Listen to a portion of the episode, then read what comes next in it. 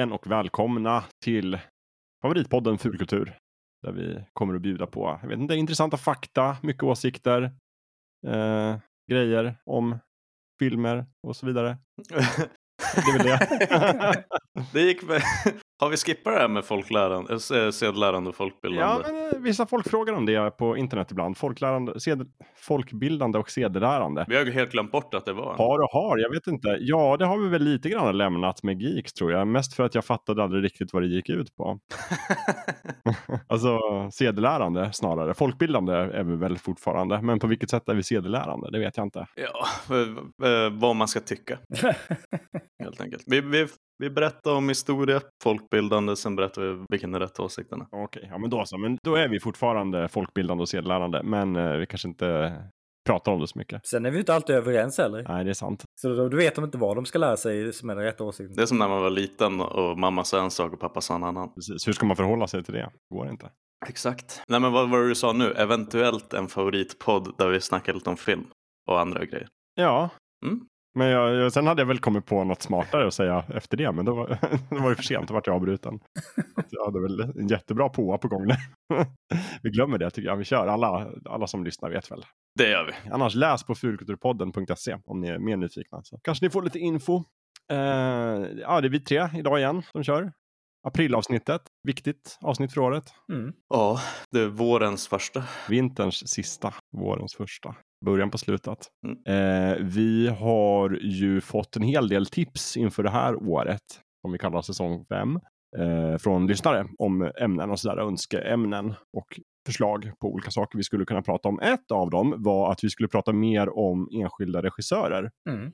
Och då tänkte vi så här, ja det är klart vi ska göra det. Då tänkte vi börja det här avsnittet med kanske regissörernas regissör, Steven Spielberg. Yes. Det får man ändå kalla honom. Det får man säga. Han är ett upphov till adjektiv som Spielbergsk när man pratar om en viss typ av film. Mm. Och kanske verbet att Spielberga. Mm. Vilket är då när man gör tre stycken mest inkomstbringande filmer någonsin. Inte bara en, inte bara två, utan tre. Ein, zwei, drei. Yes. Men även att vi valde Spielberg för att vi hade fått, alltså som du sa, regissörernas regissör att vi hade fått eh, separata tips också om att ni borde göra ett avsnitt om Indiana Jones, ett avsnitt om Jurassic Park och ett avsnitt om... Ja men exakt. Och då tänkte vi, då, då fångar vi allt. Vad är den gemensamma nämnaren liksom? Så, så är det. Så får vi se vad det blir. Men innan dess så tänkte jag vi skulle snabbt bara gå igenom vad vi har hunnit med sen sist. Vill du börja, eh, Andreas Eklöv? Eh, ja, det kan jag göra. Kan jag också passa på att hälsa dig välkommen till den här inspelningen. tack så mycket, tack så mycket. eh, ordningen är ut genom fönstret. Men eh, jo, jag har Eh, spelat lite spel. Eh, spelat klart några spel och just nu spelar jag eh, ett spel som jag påbörjade på Xbox Series X men nu spelar jag på Playstation 5 eh, och det är Yakuza Like a Dragon. Eh, som, eh, ja, jag är ett, ett stort fan av Yakuza-serien och det här är ju påbörjan på en, en ny saga inom Yakuza-serien. Av det jag spelat hittills gillar jag det även om vissa så här, berättarmässiga knep är lite väl bekanta från serien. Men Samtidigt, för de som är nya till, till serien som inte har spelat någon annan så kan jag varmt rekommendera det om man är sugen på eh, att ge sig i kast med japansk eh, gangsterrollspel. Kanske lite en otippad kombination, men det är en väldigt, väldigt trevlig sådan. Eh, och sen i tv-serieväg har jag precis nu under påskhelgen tittat igenom en serie som heter The Serpent med familjen. Mm, det var den du tipsade om. Ja, precis. Det är ju en, eh, det är inspirerad av verkliga händelser. Eh, det är en, en, en kar som heter Charles Sobrage som eh, mördade unga turister i Thailand under mitten av 70-talet. Och då har BBC One i samarbete med Netflix gjort en serie i åtta delar som då logiskt nog finns på Netflix. Och den är, den, den är väldigt spännande och den är snyggt gjord och den, den är gjord på... Ibland kan man se eh, serier där man, se, där man ser att okay, det, här, det här ska se ut som att det, det är från 70-talet. Men, men det, det, det, är väldigt tydligt att de försöker få det att se ut som 70-talet.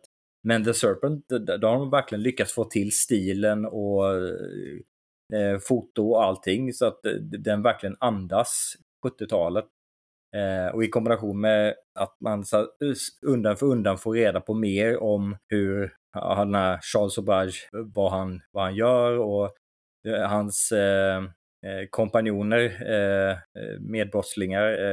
Och den här holländaren som, holländska ambassadören som är honom på spåren och går utanför sin roll för att försöka få reda på vad som vad som händer med alla de här unga turisterna som eh, försvinner mystiskt. Den är, den är verkligen jättebra. Jag, jag blev tipsad av, jag tror det var The Guardian eller sånt som, som skrev om den. Tänkte ja men det, det kan jag och, eh, och familjen satsa på. Och så vi, vi plöjde igenom hela, alla åtta delar under påskhelgen. Den var suverän. Så det, den kan jag varmt rekommendera eh, till alla. En, en var. Det där var ju en, en, eh, en riktig rekommendation. Oh ja, oh ja. Med två tummar upp och samtliga tår. Ja, den ska jag se. Men jag vet bara inte när. Jag är inne i en sån fas när jag inte... Eh, jag tittar hellre på Bolibompa än eh, liksom så tre. okay. jag, eh, jag vet inte om Serpent hamnar kanske lite för nära grimy gore-film. Nej, alltså den är inte så brutal. Eh, det är mer att den är, eh, den, den, är, den är spännande och man, man blir lite så här man blir förbannad på eh, den här sluga Sobrage-killen eh, och eh, vad, han lyckats få sina kumpaner att göra egentligen mot deras vilja. Men särskilt hemsk är den inte kan jag påstå. Det var som fan. Ja men det var en bra. Då, då, då hugger den. Ja. Men då kan du köra härnäst Gustav. Eh, vad har jag gjort? Vad har jag gjort? Uh, får jag, ska vi göra tvärtom? Ska jag, får jag kuppa i början istället för att kuppa i slutet? Ja, du får kuppa både i början och i slutet om du vill. Vet du vad jag inte har gjort sen sist? Kolla på Jackie Brown. Uh, jag och en kompis uh, har börjat kolla skitmycket på plöjde två, tre säsonger av Sopranos över en vecka. Och skitbra. Det är verkligen helt otroligt. Och om det var ett par år sedan man såg Sopranos senast så håller det fortfarande som det alltid gör. Svinbra tv. Men då blev det lördagkväll tror jag, fredagkväll. Och efter middagen så tänkte vi, ah, ska vi kolla på ett sjunde avsnitt Sopranos för dagen? Eh, eller ska vi kanske mysera med en film? Men jag var ju också sugen på att kolla på mera Sopranos för jag var så inne i det. Och då tänkte jag, fan Jackie Brown. Så får man liksom en film men det är ändå lite den viben. Men sen i slutändan så blev det ändå Sopranos. Så jag tänkte, hur länge sedan var det ni såg den? För jag minns, jag, jag satt där och funderade, så här, fan är det värt det? Hur bra är den egentligen? Tänkte jag. Och så sen så sket jag i det innan jag kom fram till ett vettigt svar. Vad tycker ni om Jackie Brown? Alltså jag har inte sett den på, inte vet jag, tio år. Mm. Uh, och jag vill minnas att jag tyckte den var bra. Ja, alltså jag, jag, det var nog sedan början av 2000-talet jag såg den senast. För det känns ju som att, uh, jag menar Pulp Fiction ser man ju någon gång nu och då. Uh, samma sak med Kill Bill och många av hans filmer. Men Jackie Brown, å andra sidan så är väl Jackie Brown en sån film som man måste berätta att ja men det är Quentin Tarantino. För att folk glömmer bort det. Och eh, Pam Greer och Samuel Jackson, eh, vilket är en dunderduo.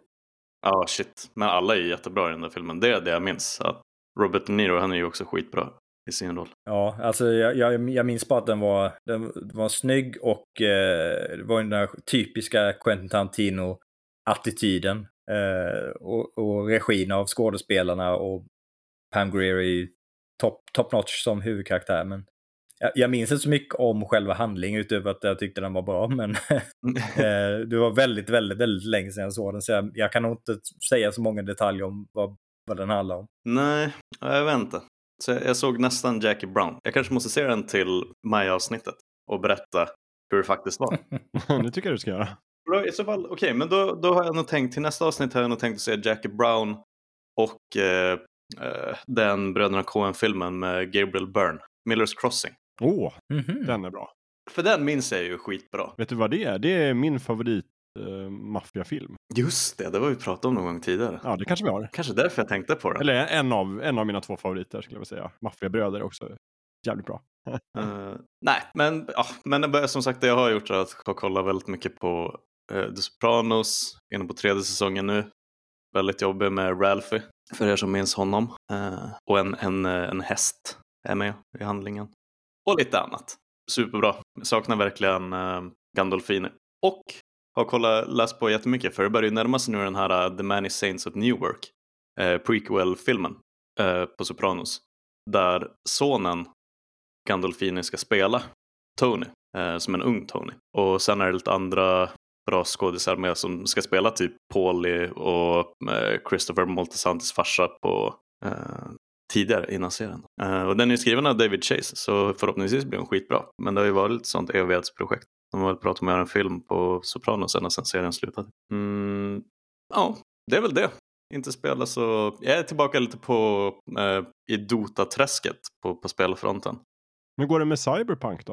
Eh, det, det släpptes ju precis den här um, köttiga 1.2-patchen eh, som var mycket vårstad och snyggade till Playstation 4 Pro-versionen så pass att det är spelbart nu. Om jag förstod det rätt. Men de sköt ju lite, sen hade de ju hackade också och med ransomware och grejer. Det gick ju skitdåligt där för CD Projekt ett tag. Uh, verkligen kaka på kaka. Men jag tror jag sparar mig, för jag hade ju som sagt inte så mycket problem alls och fick väl ihop 140 timmar eller något sånt där. Så nu sparar jag mig till för att DLC börjar komma ut istället. Då sitter jag och spelar Dota och klurar på jag har faktiskt eh, författat ganska mycket tankar om eh, mina, min första genomspelning. Så jag vet inte, det, det blev lite så här, plötsligt försvann Cyberpunk när alla bara hade konstaterat vad de tyckte precis där i början. Mm. Det är mm. lite så, alltså, jag drar ju alltid på något sätt kopplingen till typ The Last Jedi för att det blir så mycket upphåsat och folk hatar och folk älskar och fram och tillbaka. Så det känns som att det var samma sak med Last Jedi också, att det var ett par månader när alla ville berätta vad de tyckte om det. Sen så var det ingen som snackade om det. Um, och så kom det tillbaka sen när, när typ filmen kom till Netflix så, så skulle alla ha en åsikt igen. Så det kommer säkert att finnas gott om tid att tycka om Cyberpunk runda 2, 3 och 4. Så de som väntar på dina tankar om Cyberpunk, de, de väntar inte förgäves? Nej, fy fan. Det, det gör de inte. Låter tryggt. Ja, du då Jakob? Jag tittar på en sån jävla bra film alltså. Va? Ja, Amadeus 1984. Ja, den är helt otrolig. Alltså jag har inte sett den på år och dagar höll jag på att säga. Och det var en sån här film som eh, man fick se, eller i alla fall jag fick se den på musiklektionen i skolan. Mm -hmm. Högstadiet. Så jag tror inte jag har sett den sedan högstadiet. Men nu laddade du ner den, eller alltså vi köpte den lagligt och laddade ner den och tittade på den. Och satan vad bra den är. Den är ju helt otrolig. Fantastiskt bra. Regi Milos Forman som har gjort Gökboet, Man on the Moon bland annat. Jättebra musik, jättebra foto, jättebra handling. Handlar om Mozart. Eh, jättebra skådisar. Och det var ju så roligt för att det första som slog mig när jag, när jag ser han, det huvudpersonen är ju Antonio Salieri. Och det är ju, skådespelaren heter F. Murray Abraham. Som hur bra som helst. Ja. Och så satt jag så här länge och tänkte på var har jag sett honom någonstans? Och sen kom jag ju till slut på att jag har sett honom i The Last Action Hero med Arnold Schwarzenegger. Jag har sett honom i Grand Budapest Hotel, Wes Andersons filmen. Och sen har jag sett dem i en tv-serie som heter Mythic Quest, Ravens Banquet, som går på Apple TV+. Som är en ganska rolig eh, sitcom som snart kommer med säsong två. Och där spelar han en åldrande sci-fi författare som de eh, rekryterar för att skriva eh, plotten och storyn till det här stora MMORPG-spelet som de håller på att utveckla som heter då Raven, eller Mythic Quest. Mm -hmm. Och där är han ju väldigt rolig. Men han spelar ju fantastiskt bra, Antonio Salieri. Jag vet inte om han fick en Oscar för det, men han borde få det. Jo, det tror jag. Den fick ju Oscar. Han blev åtminstone nominerad, men jag tror han tog den. Den nominerades för elva, men han vann säkert. Jag är rätt säker. Alltså. Det, måste, det måste han ha gjort. Det andra som slår den det är ju att kejsaren, Josef den andra, spelas av Jeffrey Jones. ja, alltså. Som ju... oh, han är så osäker i sina skor. Ja, så otroligt bra. Och det är ju rektorn i Ferris Bueller's Day Off, tänker man ju på. Eller som den heter på svenska, Fira med Ferris. Jätteroligt, men han är ju så otroligt bra. oh shit. Ja, och sen så kommer ju Mozarts pappa in där också, Leopold Mozart. Och då känner man igen, det är ju Roy Dottris som mm. är ja, Vincents pappa i Skönheten och odjuret, tv-serien från 1987. Men också spelar ju Grandmaster Pycelle i början i Game of Thrones. Jaha. Och dessutom så är han uppläsaren i alla ljudböckerna för Game of Thrones. Det var som fan. Och då har han ett Guinness eh, världsrekord, Guinness rekordbok i mest antal röster i, i en och samma ljudboksinspelning. För det är 224 stycken i Game of Thrones. Och han gör allihopa. Så då har han fått, eh, han är med i Guinness rekordbok också. Visst är det också, han har, det är väl någon sån grej, samma som att uh, här i Sverige med han översättaren av Sagan om ringen som jag glömmer bort namnet på hela tiden. Åke Olmarks. Tack. Uh, att uh, Dottris också har en sån grej att många stör sig på hur han uttalar olika namn. Ja, säkert, säkert. I, när han läser mm. upp Game of Thrones. Och att folk blir arg på honom efteråt. Ja, alltså jag, jag, känner, jag känner flera som inte har lyckats lyssna på ljudböckerna Game of Thrones. De har börjat så här, de såg serien och så bara, nu ska vi lyssna på ljudböckerna. Och sen så pallar de det inte för att han, alltså han härmar ju röster, han spelar ju lite grann. Sådär. Ja, han är, han är Arya Stark och då gör Ja. han en... Exakt. Ja. Men eh, jag gillar det, jag gillar honom. Han är ju dessutom, eh, spelar ju Jensen i eh, den härliga filmen Hjältarna från Telemarken från 1965. Mm, mm, tror mm. jag är en av hans första roller. Fantastisk skådespelare, jättebra film, så det har jag haft roligt med. Också tre timmar lång, så ganska, ganska matig. Så att, men det är det jag hunnit med. Men du, eh, på, på tal om F. Murray Abraham också. Det, det är han som blir knuffad ur helikoptern i Scarface, Jaha! bland annat. Oj, Eh, du lyckades koppla det här till gangsterfilmer. Nej, men för annars så tror jag ärligt talat att om... ehm, för han är ju ändå ganska ung, Amadeus. Han har ju fått en väldigt så... eh, han har ju haft en look nu som han har kört i 20 år. Mm. Eh, men jag tror många känner igen honom från eh, Homeland. ja, just det. Där han spelar CIA, Där är han ju också med. CIA-chef. Superbra är han i den serien. Men han är ju en sån skådis som aldrig gör något dåligt. Men jag, men jag tror speciellt att F. Murray Abraham har den här grejen att han har ett väldigt specifikt namn, vilket är bra om, om man ska bli, vara kändis. Men det är så otroligt svårt att komma ihåg exakt hur det är. Ja, precis. Och då säger man bara, det är han, han den där. Bara, gud vad mysigt då, att du fick kolla på en sån film. Jag har nästan ingenting att säga om han som spelar själva Mozart, Tom Hulce. Nej, han gjorde väl typ bara det. Ja. Men däremot så vet jag att det var snack om att Mark Hamill, alltså Luke Skywalker, skulle ha den rollen. Mhm. Det är ni. Därför att filmen bygger ju på, det är ju en filmatisering av en pjäs. Och där, från början så var det Tim Curry som spelade Mozart. Men sen så i slutet av den, liksom, när de körde pjäsen gång på gång på gång, så var det ju Mark Hamill som hoppade in och tog över rollen efter Tim Curry. Mm. Och då var det snack om att han eh, skulle spela Mozart också i filmen. Men då tyckte inte Emilius Forman att det var lämpligt eftersom att han var Luke Skywalker. Då kan det gå. Ja. Ja. Äh, jag tror nog att han är rätt nöjd ändå. Ja, han är ju Jokern och Luke. Det räcker Det är väl. inte som att Tom fick spela Amadeus eh, som ett spöke i den nya trilogin om Salieri och deras arving. Nej, precis. Vem blev bjuden på flest konvent? Det är ju Mark Hamill. Just det. Men nu var det ju inte Milos For- Formans filmer vi skulle prata om egentligen, utan det var ju faktiskt Steven Spielbergs. Så att jag tycker vi kastar oss in i det. Med hull och hår. Ja. Kan, I post kanske vi bara får slänga in typ Indiana Jones-temat så att då är alla där redan. Ja, just det, precis. Men, men skulle vi kunna börja så här bara liksom temamässigt så att vi får någon sorts ordning på det, att vi liksom zoomar ut och tittar på Steven Spielberg ur ett så här bredare perspektiv kanske. Mm. Eh, vad betyder han för filmbranschen och för oss själva? Så vi har de två ytterpunkterna. Mm. För det, jag, jag tänker så här, det, det finns ju en anledning till att vi valde Steven Spielberg, inte bara för att han har gjort mycket film, utan också för att Alltså, tänker man regissör så tänker man kanske Steven Spielberg. Det finns ju ingen regissör som är lika mycket, eller som har lika mycket star power helt enkelt. Eller? Ja, nej. Jag tror att det är nog många som, slår man upp det i en ord, ordbok så borde det vara en bild av honom där. Jag, jag tror det är lite också för att han har gjort storfilmer i ganska många genrer eller olika typer av filmer där, där varje individuell film har blivit stilbildande och legendarisk i princip. Ja, men det är väl liksom Hajen och Indiana Jones. Eh, Alla de filmerna är ju olika. Även om vi, äventyrskänsla kan, kan ju vara en, en gemensam röd tråd genom många av hans filmer, men det, det är ju väldigt många olika typer av ämnen han, han utforskat. Och nästan alla av hans tidiga filmer blev ju stilbildande för, för den genren av filmer. Ja, men han har ju bara liksom med, med Hajen så lanserade han ju det här begreppet liksom sommar-blockbuster Ja. Mm. i, i Hollywood. Så bara där är han ju liksom någon form av legend. Och sen så just det här att kunna göra det konststycket gång på gång på gång. Eh, även om jag tycker det finns ganska stor variation inom hans filmer så är det också de här typiska liksom Spielbergska kännetecknen som dyker upp överallt. Också just här som jag sa i inledningen, att göra en film som slår liksom alla intäktsrekord först på 70-talet och sen en gång till på 80-talet. Och sen en gång till på 90-talet. På 90-talet. Mm. Det, är- det är inte alla som har gjort det. Nej. Nej, det är helt så speciellt att när han gjorde det tredje gången så gjorde han två filmer samma år också. Varav den ena blev extremt hyllad och vann Oscars och grejer. Just det. Ja, du tänker först på eh, Jurassic Park som blev den mest intäktsbringande filmen. Precis. Och sen samma år då Schindler's list som är kanske hans mest kritikerrosade film. Mm. 93, året innan jag kom in på spelplanen. Mm. Så det var liksom markerat. nu, nu blir resten av 90-talet bra. Men jag läste det faktiskt när jag läste på lite om Spielberg, att han har sagt det, att han jobbar bäst när han har liksom två projekt igång samtidigt, som är ganska olika sinsemellan.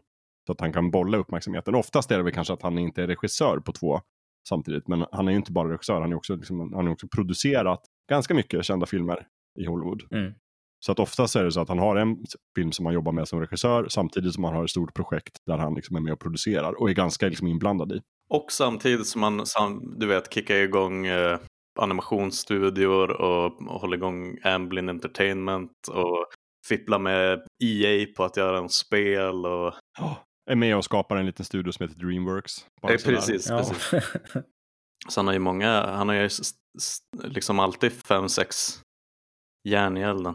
Mm. Men ska vi köra en sån här klassisk fulkulturrunda? Att vi går eh, laget runt och så får man berätta lite grann vem Steven Spielberg är för en själv. Eller lite hur man kom in mm, i hans filmer och vad man, vad man känner för det. Och då går väl yngst först då Gustav, så du får ju börja. Åh, ska jag göra det? Ja, för jag är väl kanske den som har... Um, det blir lite annorlunda för mig eftersom att jag är född i mitten på 90-talet. Som sagt, precis därför att Jurassic Park kom året innan och Schindler's list och så här. Så det är väl egentligen vad blir det sen som börjar komma när jag, när jag är född? Det är ju typ eh, Rädda Meninger Ryan där 98. Um, ehm, och så sen så släpps det väl nya Spielberg-filmer då under 2000 så jag växer upp med uh, att väldigt mycket redan är gjort och älskar, alltså några av de här filmerna som jag hyr om och om, och om igen när jag är ung är ju Indiana Jones, um, kollar väldigt mycket på uh, Hook och inser ju på något sätt att det här är ju verkligen Indiana Jones är peak äventyrsfilm för väldigt många människor. Och definitivt för mig. Och det, sen är det någonting som gör att det blir väldigt, jag tyckte att det var ganska lätt att typ se att det var en Steven Spielberg-film fast jag inte hade sett den tidigare. För att det finns någonting i den som är, eh, tonen är väldigt Steven Spielberg på något sätt. Eh, E.T. till exempel såg jag efter att jag redan hade sett Indiana Jones och de skiljer sig åt på väldigt många sätt. Men eh, bestämde ganska snabbt för att det här måste vara en Spielberg-film. Och det var ju inte när man kunde ta fram mobilen och kika så det fick jag ta reda på först i efterhand. Och Hajen eh, såg jag och det var en sån film där mamma och pappa berättade hur spännande det var att man såg den på bio och sen vågade man inte bada på sommaren för att man var rädd att, att det fanns en stor vithaj uppe i någon insjö uppe i Norrland. Så jag tror han ganska snabbt blev alltså väldigt så synonym med yrket regissör och att jag fattar att det är någon som eh, projektleder en film och sätter sin prägel på den. Mm. Och eh, alltså sen dess så har han alltid varit där. Vi såg Schindler's list på eh, SO-lektion i högstadiet när vi avhandlade andra världskriget. Eh, Rädda Meninger Ryan såg jag lite för ung och tyckte var jättehemsk. Um, sen så förstod jag också att ju, ju äldre jag blev och de här formativa åren så insåg jag att han är ju med i allting som är skitbra. Som jag verkligen tycker om. Uh, så jag visste inte att han var med i Band of, uh, låg bakom Band of Brothers delvis med Tom Hanks och gänget på HBO. Där var han väl producent? Precis. Men det var också så här att jag tänkte fan det här är ju typ Spielberg bra. Och så sen så såg jag att han hade ju ett finger med i spelet där. Och det är mycket sådana grejer sen dess där jag känt att det här är typ Spielberg bra. Och så är han antingen regissör, producent eller har någon annan typ av figur med i spelet. Eh, men det är framförallt Indiana Jones som jag plöjde och hyr om och om igen på videoteket i Skellefteå när jag var ung. Så det, det är nog kärnan till min kärlek för Steven Spielberg. Men jag håller nu honom som högst. Eh, jag vet inte om han är störst just nu eller om han är liksom min eh, jag tror bara han är en sån person där många kan ha en favoritregissör. Men om man skulle fråga, okej, okay, men vem, vem är den största då? Då kan de säkert vara ödmjuka nog och säga, ja men det är nog Spielberg. Mm. Även om jag är Tarantino-fan av Guds nåde. Mm. Ja, precis. Men jag var inte med innan. Så det ska bli jättespännande att höra vad ni som ändå var liksom... Vi som är gamla. nu ska vi inte använda fula ord. uh, men ni förstår vad jag menar. Ja men ta, ta facklan Lövet, berätta. Vad, vad, kom du i? Vad hittade du Spielberg någonstans?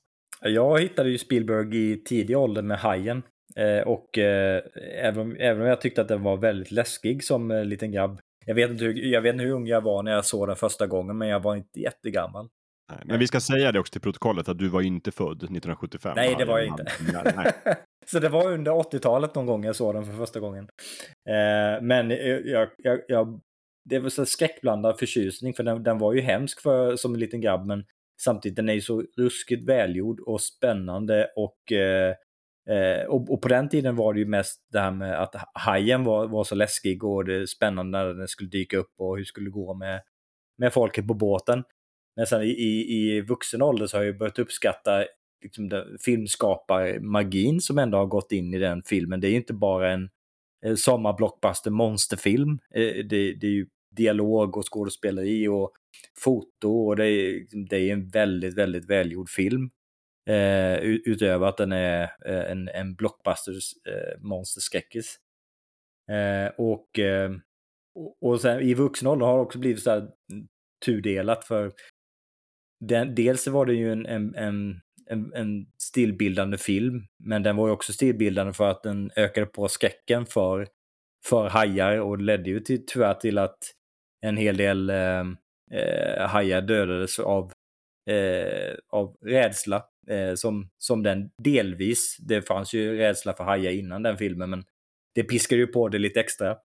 Eh, så det, eh, jag hade lite tudelad inställning till det, men det är en ruskigt, ruskigt bra film som jag har sett eh, oräkneligt antal gånger eh, sedan 80-talet. Eh, men sen efter, efter det så var, var det ju Indiana Jones-filmerna. Som eh, Raiders of the Last Ark och eh, Temple of Doom. Eh, vet inte heller hur många gånger jag har sett. Och eh, de har ju eh, extremt många väldigt minnesvärda scener som, som liksom etsade, sig, etsade sig fast i, i sinnet eh, hos ett, eh, ett ungt, eh, en ung Andreas Eklöf. Eh, så det, liksom, Indie täckt av spindlar eh, var ju eh, väldigt fascinerande och kyld aphjärna som dessert och eh, eh, plocka ut eh, hjärtat ur bröstet på folk eh, och tända eld på det med eh, de övernaturliga element som, eh, som går som en röd tråd genom indiefilmerna. Det, det, det tyckte jag var fantastiskt bra.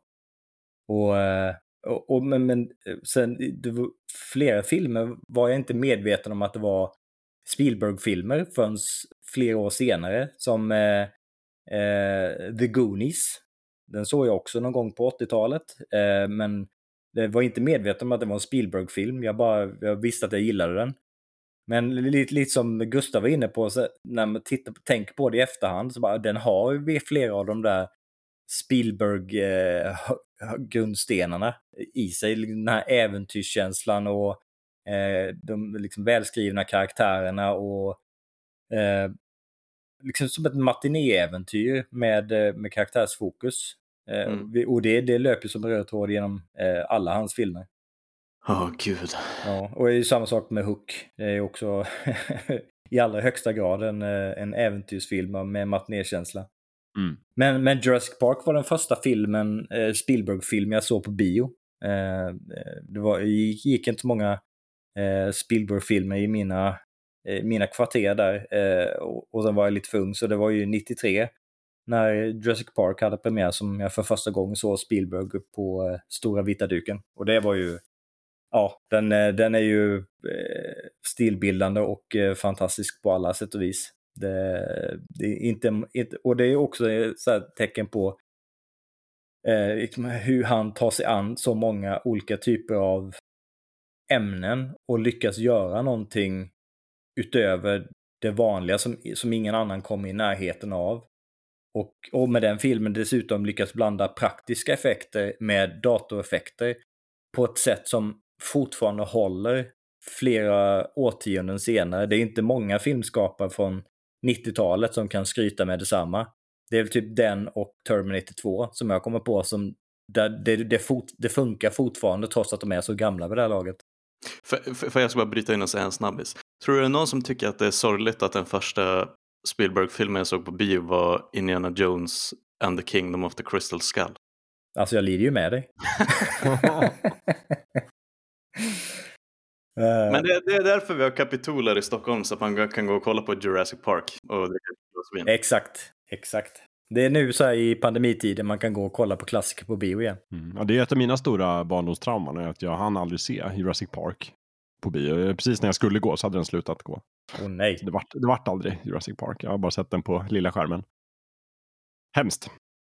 Men för min del, jag, jag, jag tycker nog att typ när Gustav började titta på Spielberg-filmer var väl ungefär där jag tyckte han slutade göra de här riktiga, eh, i, i, min, i, i min synvinkel, de här riktiga eh, stilbildande verken. Eh, eh Saving Private Ryan eller Reda Megan Ryan kan, man, kan jag väl kalla det förvisso. Men sen efter den, eh, typ AI och Minority Report och Catch Me If You Can och alla de filmerna som kom efter, ah, har inte riktigt den där magin ändå.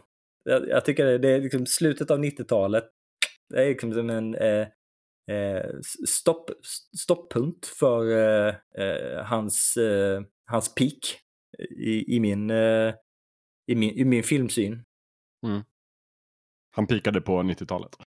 Eh, jag, vet, jag vet faktiskt inte när jag uppsagt eh, Steven Spielberg, men som så mycket annat så var det väl att man såg. På, det fanns en videobutik i Östersund som hette Videogott. Den hette det för att man kunde hyra video och för att man kunde köpa godis. Och den så, när man skulle hyra film ibland så fick man hyra även då videospelaren. Så länge sedan var det. Och då valde man ju, jag vet inte, mina föräldrar valde en film och sen så valde de en film som barnen fick titta på. Och då vet jag att mina föräldrar och deras kompisar hyrde Raiders of the Lost Ark, alltså den första Indiana Jones-filmen och tittade på. Och den fick vi inte se. Men jag har ett tydligt minne av att jag liksom bara kommer förbi och ser den här liksom fantastiska actionscenen när han klättrar på lastbilar och hoppar. Att det är lite sådär bara wow. Och så förstår man ju direkt om jag var liksom, inte vet jag, sju, åtta. Det här är ju något fantastiskt coolt. Men sen vet jag, jag tror att det var kanske bara kort senare så fick vi se på E.T. Någon sån här hyr, hyrvideokväll. Eh, och den har jag ju också så här fantastiskt starka minnen från. Det var där jag liksom verkligen så här, okej, okay, Spielberg, ordet Spielberg för mig, det är någonting som är typ som det här. Som E.T.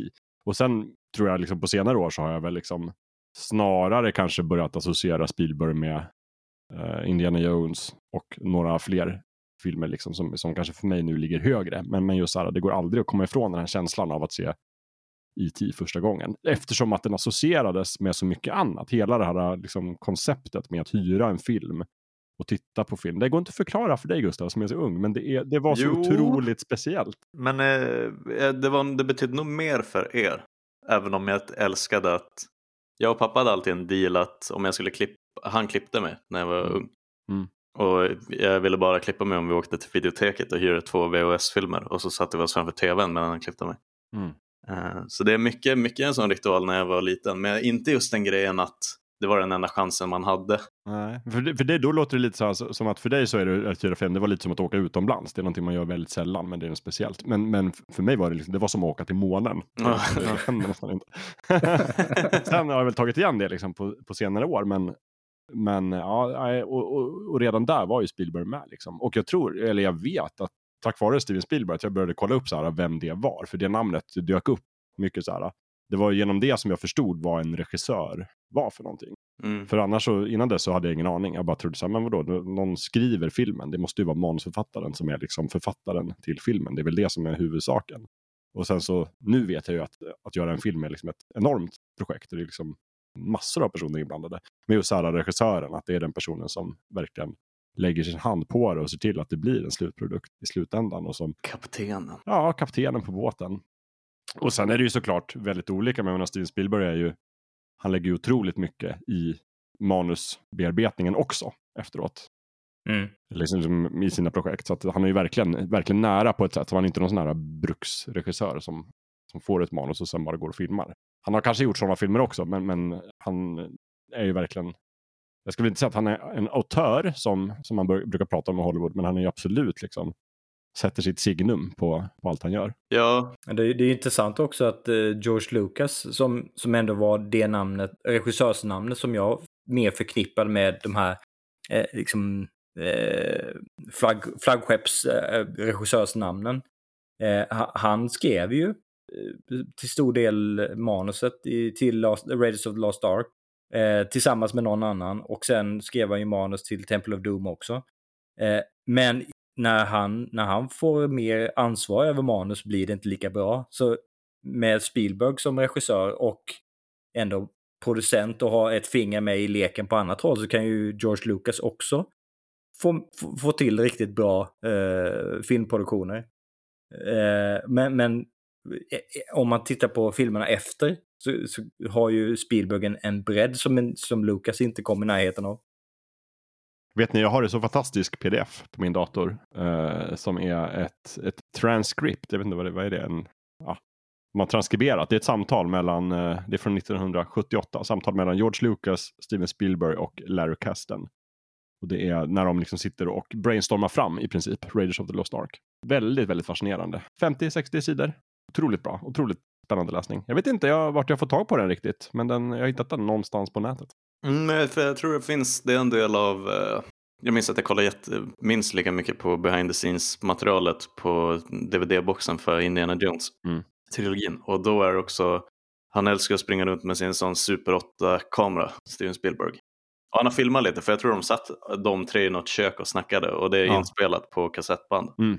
Um, så det är säkert därifrån. Men det, det jag håller med dig, det är superintressant att höra dem sitta där och komma fram till att så här, okej, han borde heta det där och så, du vet, de mm. kommer fram till piskan och ja, precis. hela köret. Och sen, och sen ska han ner där i grottan och vad ska han hitta? Ska han hitta en sån här grej? Bara, nej, nej, det är så gjort. Och så här, bara, mm. inte, bara se som ormar. Bara, ja, det är bra. Men och, fantastiskt bra. Också just det här om man tror då att, att om man gör den typiska uppdelningen, alltså okay, men George Lucas skrev manuset och Steven Spielberg bara regisserade, så ser man ju där liksom hur det verkligen var ett, ett samarbete mellan dem och vem nu den där tredje killen var. På tal om eh, Super 8, han, eh, han var ju producent för JJ Abrams eh, film med just det namnet. Just det. Super 8, det är också en sci-fi historia. Precis som är, alltså nu är väl JJ Abrams kanske den som påminner mest om Steven Spielberg, förutom Steven själv. Men Super 8 är ju verkligen en sån film som känns som någonting Steven Spielberg hade lika gärna kunnat göra själv på 90-talet. Ja. Eh, efter Jurassic Park. Liksom. Lite som att han var mentor för en annan som han kände igen sig lite i. Det får jag känslan i alla fall. Mm. Precis. Nej, han är för mig väldigt mycket så um, Alltså känner man till en golfare så är det uh, Tiger Woods. Och känner man till en eh, basketspelare så är det Michael Jordan. Det är liksom på den nivån han är. Att folk som inte har någon koll har ändå relativt bra koll på Steven Spielberg. Uh, jag brukar använda min mamma som måttstock. Förlåt. Nej, men det, och, och, där är det till och med att uh, Hook är liksom en av hennes favoritfilmer. Och att vi kan, jag tror även att det är väldigt mycket så, um, precis som Star Wars är en pappa pappa och pappans, eller föräldrar och deras barn. Mm. För mig var det pappa som liksom hade det. Att um, många av hans filmer är ju sånt som föräldrar känner väldigt mycket nostalgi för. Så tittar de på det med deras barn när de tycker att de har åldern inne. Och så sen så förs liksom arvet vidare. Uh, och jag tror det var därför vi var såg när vi var såg Indiana Jones and the Kingdom of the Crystal Skull på bio 2008 när jag gick i högstadiet. Då var det ju mycket riktigt med fyra av mina bästa vänner, alla deras pappor. Och vi var och käkade middag innan. Och det är så mycket runt som är att det, det, är inte bara att jag kan, måste sitta ensam och kolla på den nya Quentin Tarantino-filmen för att mamma hade gått ut ur biografen efter fyra minuter.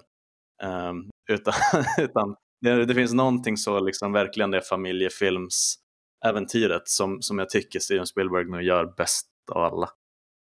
Men vad tyckte, jag menar du var ju en sån okritisk ålder då kanske när du såg Kingdom of the Crystal Skull. Så jag tänkte fråga dig, men vad tyckte alla papporna om, om den fjärde Indiana Nej, jag tror...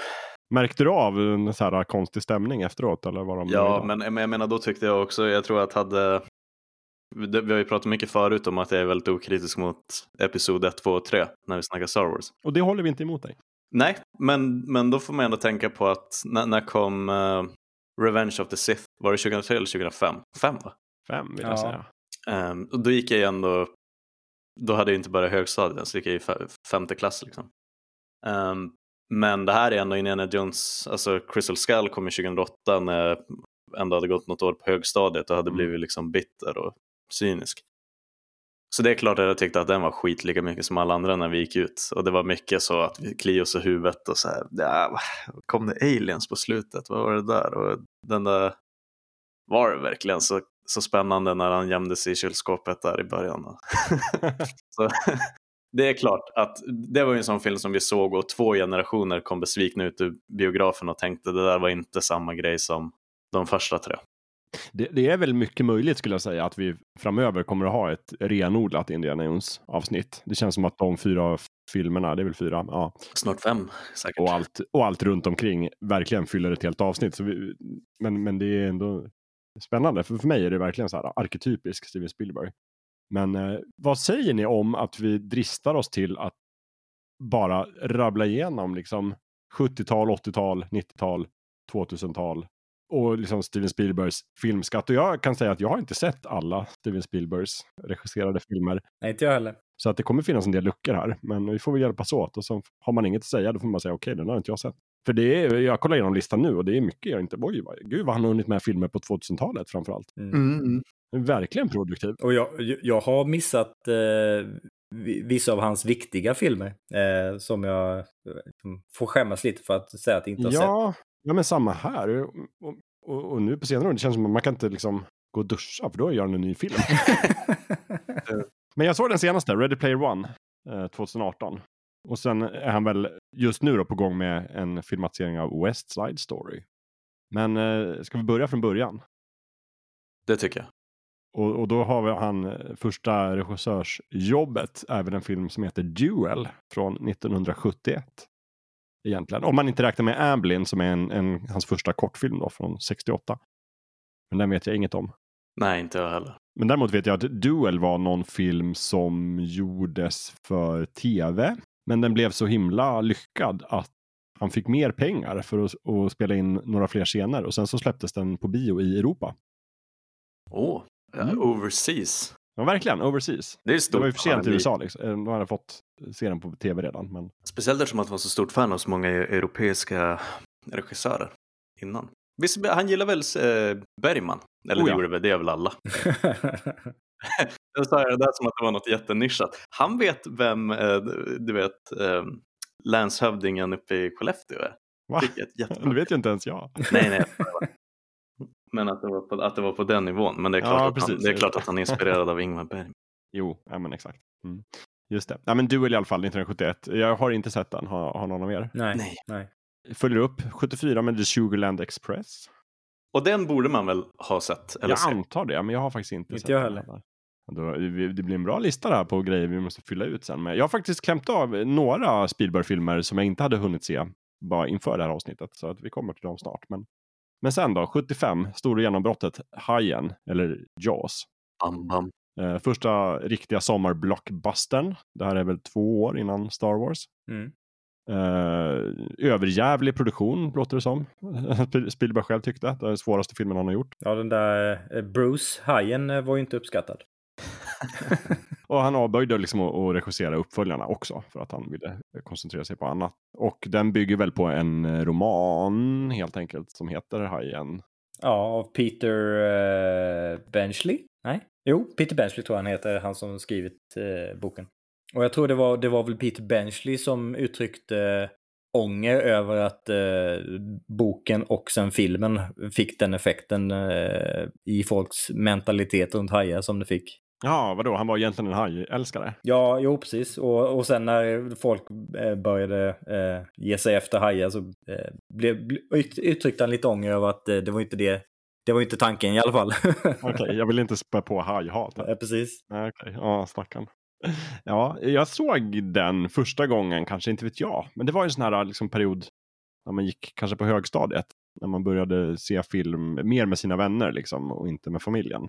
Då började liksom klämma av ganska mycket av de här gamla klassikerna. Det var då jag såg Hajen någon helg. Mm. Riktigt bra. Jag tror, jag tror att det var en av de första filmerna som jag visste var en riktig klassiker. Men jag var lite skeptisk mot att den kom ut på stenåldern. Eh, men det var nog en av de första filmerna som jag tänkte, ah, det är en klassiker. Den, jag måste se den. För att vara lite ajour med. Men den är ju fantastisk. Mm. Och, och som sagt, det här är den första gången som han gör en film som, som blir, slår alla liksom intäktsrekord tidigare. Så att hans riktig dundersuccé, Ajen helt enkelt. Uh, och sen 77 så har vi Närkontakt av tredje graden. Close Encounters of the Third Kind. Också en, en uh, supersuccé. Mm. Ska vi säga. Om än inte lika stor. Nej, och, och jag har aldrig, aldrig, riktigt sett den som den där storfilmen som det, som det verkligen blev. Eh, jag, jag, jag, såg den någon gång också, någon gång under 80-talet. Men jag kan inte minnas, jag minns inte att jag blev så fäst vid den. Alltså jag, jag tyckte den var bra, men det var ingenting som jag eh, jag stannade inte upp över den där Spielberg-känslan och, och, det var ingenting som jag liksom var besatt över att tänka på efter jag hade sett filmen som de flesta av hans filmer ändå, de hade den effekten. Förlåt, jag måste bara fråga en grej om titeln på den där filmen. Det, det känns som att det är någonting jag har hört, eh, hört hela mitt liv. Alltså att, att titeln tog en som himla, tog fäste så mycket. Det är en väldigt bra titel. Eh, det är en otrolig titel, men eh, alltså, nästan så att, det, att i mitt huvud så är det nästan ett, ett uttryck. Som att gå över eh, alltså, ån för att hämta vatten, alltså något sånt. Uh, men den var ingenting innan det där. Det är inte så att ni kan... Jo, men det, det är det ju. Det kommer ju från, uh, det är någon amerikansk astronom som, jag har skrivit upp där, J. Allen Hynek. Som jobbade, han var så här ufo-expert. Och han nu utarbetade det här i, liksom, han skrev en, en avhandling om ufon Mm. på 70-talet. Och där delar han in liksom det här, liksom olika sätt, olika närkontakter. Och då är det så här, närkontakt av första graden är då observerar man en utomjordisk farkost. Närkontakt av andra graden, då ser man spår av en utomjordisk farkost. Till exempel alltså typ märken på marken eller atmosfäriska fenomen och sådär. Man klet på marken. Ja, men sen är det då liksom närkontakt av tredje graden. Då observerar man utomjordiska varelser. Antingen i skeppet eller utanför skeppet. Då är det liksom på riktigt. Så de tre, liksom, det bildade han. Så det var där, därifrån Spielberg plockade titeln. Tack! Det var, jag, jag blev jätteintresserad av att veta. Då har vi rätt ut det. Sen har de ju lagt på senare då med flera närkontakter. Det finns närkontakt av fjärde graden, då är man liksom bortförd av ufon själv. Eh, och sådär.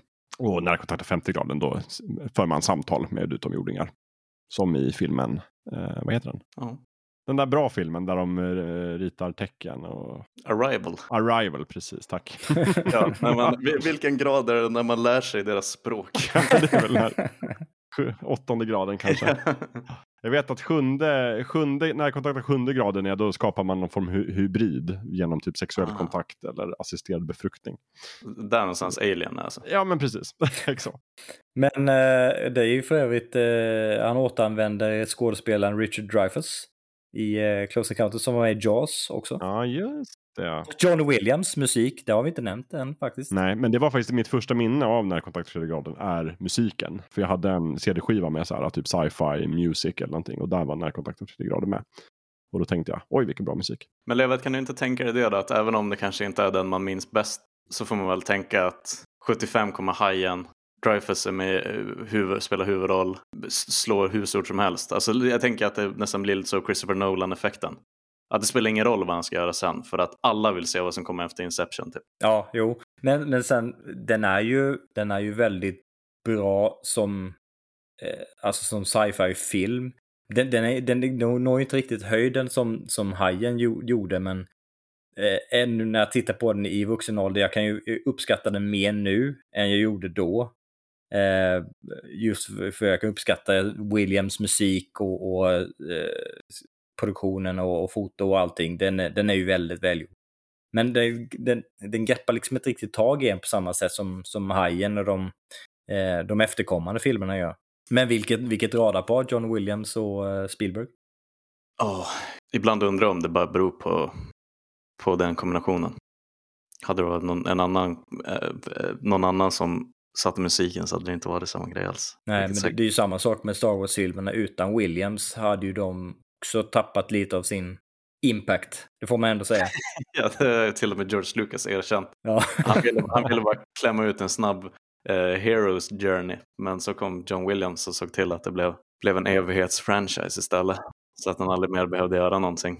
Jag tror att John Williams har gjort musiken till nästan alla Spielberg-filmer. Jag tror det är två som man inte har varit med om av olika anledningar. Nå någon film, och det båda är väl typ senare, mer sentida, men någon är på grund av hälsa och sen nu West Side Story är väl för att ja, det finns redan musik. Liksom.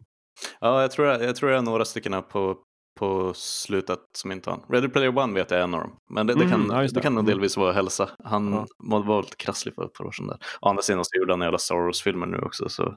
Men eh, jag har en annan, en, en avslutande tanke om uh, Hajen innan vi börjar lämna 70-talet. Kör. Vi har en film kvar också på 70-talet. Just det, det har vi. Ja. Eh, men det enda jag ska säga om Hajen är att uppföljarna, de, de stinker ju ko- kodynga. Va? Nej, jag tycker inte tvåan stinker kodynga. Den är, det, är kanske, det är kanske det här Ghostbusters-fenomenet att den är för lik ettan och därför kritiserar folk den. Men jag tycker att tvåan är också bra. Det är först med trean det börjar bli lite pajigt. Men jag tycker att, det, att man kan dra så många paralleller till Hajen för mig är som Taken med Liam Neeson. Fantastisk första film, men va- varför eh, Taken 2? Och så sen så tänker man, ah, fan, onödig uppföljare. Så kommer Taken 3. Hur många gånger, hur många gånger kan de bli Taken? Och hur många gånger Hur kan många de... hajar kan det Hur finnas? i många havet? hajar kan det finnas i havet? Och varför, varför stoppar man en trea istället för ett E i namnet? Det, det, då, då vet man att man har gått väldigt, väldigt långt från, eh, från stigen. Jaws 3D. Vad heter den så? ja, det är, Är det, så. är det trean han tuggar en eh, strömkabel i slutet? Nej, det är tvåan. Är det tvåan? Ja. Trean är ju när de, eh, när de attackerar den här undervattens eh, eh, nöjesparken. Och han, han tuggar i sig en dykare i en, eh, i en eh, liksom sån tunnel eh, där hajen står stilla och simmar, vilket är väldigt fascinerande hur de, eh, hur de kunde eh, missa att eh, hajar inte riktigt funkar så. Är det i Jaws 4 eller Jaws the Revenge där, han, där det är en helt annan haj som drivs av typ hämndlust? Jajamensan. Det, det, det är sån där jamaicansk voodoo-präst inblandad i det där också som, nej, det är jätte, jätte, jättekonstigt. Och han attackerar ett flygplan och lyckas sänka det också. Det är dags för en Hajen 5 känner jag spontant. Resurrection. Finns det en High Resurrection? Åh, Tänk om Steven Spielberg skulle kliva in och göra Hajen 5 bara sådär. Gud vad roligt. Det är dags igen. Sp spola bort Hajen 4 från minnet eh, fullständigt. Ja, men det känns som att de dåliga hajfilmerna också ändå är en genre som lever ganska väl med tanke på Sharknado och de här. Mm. Deep Blue Sea och... Ja, men precis. Det, det är ingen brist på hajfilmer egentligen. Ja, nej men eh, sen så i alla fall 79 då så gjorde Steven Spielbergs första riktiga flopp egentligen. 1941 Ja, heter den Och filmen. den har jag inte sett. Den har inte jag heller sett. Inte jag heller. Då, då lämnar vi den så återkommer vi till den om vi skulle se den någon gång. Ja, precis. Då får vi ta upp den så här. Nu har jag sett 1941. Den som ser den först får säga till. Mm. Så får den ett pris. Men på något, alltså det, det känns ju lite som en, nu, nu har jag ingen sett den så vi kan inte säga så mycket om den. Men det känns som ett misslyckat försök att göra någonting som påminner om Dr. Strangelove. Får jag bara en känsla av. Ja, för det, precis. Just det att det är med att det är en lite så här mörk komedi. Mörk komedi, andra världskriget, ensemble, massa skådisar, superkända. Ja, det är sant. Ja, gud, ja. kollar man på rollistan så är det så här Don Aykroyd, John Belushi, John Candy, Christopher Lee. Ja, gud allihopa är med. Till och med Toshiro Mifune är med. Ja, Och en ung, en ung Mickey Rourke. ja det, jag blir sugen bara när jag kollar här. Screenplay med Robert Zemeckis och Bob Gale. Regi Steven Spielberg. Ja, den här borde man kanske se. Det kanske blir våran läxa till nästa. Det kanske blir det. Ja. Och sen så, vi kan ha, åh, vi kan spela in sådana där specialavsnitt där vi, där vi har kommentatorspår på en film. Och så får, man, får lyssnaren själv se det och så får man lyssna på oss kommentera filmen. Nej, det blir inget roligt. Vi får göra ett specialavsnitt. Ska man sitta och försöka koncentrera sig och så hör man oss bara. Nej. Ja, men och, och med det tar ju 70-talet slut då för Steven Spielberg. Men eh, han är inte ledsen för det. För sen 1980 föds jag. 1981 kommer då Raiders of the Lost Ark. Då heter den ännu inte Indiana Jones and the Raiders of the Lost Ark, vilket jag tycker är helt rimligt för att den heter bara Raiders of the Lost Ark. Men sen blev det ju då en hel franchise med Indiana Jones. Det är lite, lite det här Star Wars-syndromet att eh, den hette inte New Hope förrän de visste att den skulle bli populär och de visste inte att Indiana Jones skulle bli en så populär karaktär. Så, så då använde de inte namnet i första filmen. Hur som helst, det är en väldigt bra film. Oh ja. Jag skulle säga att det är en av de bästa äventyrsmatinéfilmer som har gjorts, för att inte säga den bästa. Kanske jämte Star Wars. Ja, precis, men det, är- det, är ju, det är ju i och med att det är så pass to- olika typer av filmer kan, tycker jag inte riktigt man kan jämföra dem rakt av. Alltså Star Wars, det är ju svårt att konkurrera med den inom eh, liksom äventyrs sci-fi sfären. Men eh, som, som, fris, som ä, så klassisk eh, äventyrsmatiné är det ju, skulle jag inte säga att det finns någon annan film som kan konkurrera med Raiders of the Lost Ark. Det är ju för, för övrigt min favorit av eh, Indiana Jones-filmen också. Ja, samma här. Med, med ganska stor marginal också. Ganska stor marginal. Jag, jag gillar Temple of Doom väldigt mycket, men eh, inte riktigt på nivå med Raiders. Och jag gillar Last Crusade väldigt mycket, men inte på samma nivå som Raiders. Nej. Och jag skulle drista mig till, nu vet jag inte om, jag får, om man får säga så eh, om Star Wars, men jag tycker att som film betraktat så är Raiders of the Lost Ark en bättre film än, än Star Wars. Det tycker jag också. Om man tänker till tempo och liksom skådespelarinsats, alltihopa helt enkelt. Ja, temposättningen är ju fantastiskt bra. Det är en, det är en perfekt temposatt film. Ja, men liksom hela den här inledningen eh, med eh, liksom spindlarna på ryggen och man, man liksom rycks med i det. Och sen, det är ju inte en död minut, men de stressar inte igenom någonting heller. Toppklass. Nej, men jag, jag håller med. Det är, väl, det är väl bara att Star Wars vinner väl kanske lite på att alltså, allting känns bekant i Indiana Jones på något sätt. Även om det blir otroligt liksom så här, wow, en piska som vapen och Harrison Ford och alltihopa och nazister. Men att Star Wars är väl just den grejen så här, shit, vad är ljussablar? The Force, vad är det här? Men jag håller med om att det är ju en, det är en, bättre, det är en bättre film. Den är, det är bättre hantverk. Ja. Men sen, jag menar, tillkomsten, det är om de har gjort samma grej egentligen som med Star Wars, det vill säga de har tagit, så här, det är en, en, till stor del en hommage till 30-talsverk. Och sen så har de plockat här och där liksom olika typer av inspirationer och så har de bara satt ihop det till en ganska nyskapande helhet. Någonting jag tänkt på när jag sett, sett filmerna i vuxen ålder är att hur han från första filmen utvecklas ju Indiana Jones nästan till en eh, James Bond fast med piska och hatt. Det är liksom det här farliga situationer, han, han, får alltid damen med sig och, eh, och, och, när, när han väl, när han väl teamar upp med Sean Connery i eh, eh, Last Crusade, då är det bara, ja, då är det verkligen cirkeln sluten med eh, James mm. Bond-kopplingen. Mm. Ja. det var väl det de hade liksom. Det är det som jag älskar så mycket med Raiders, att alla de där grejerna, som de här klassiska indie-tropesen, som att han ska liksom ta sin hatt och att han håller på med, att det är nytt här. Mm. Det, det, är liksom, han är den han är bara. Men, men sen redan i liksom Temple of Doom så är han mera någon sorts superhjälte och har sina egna troops och han går alltid i den där jackan och han har alltid sin hatt och sådär.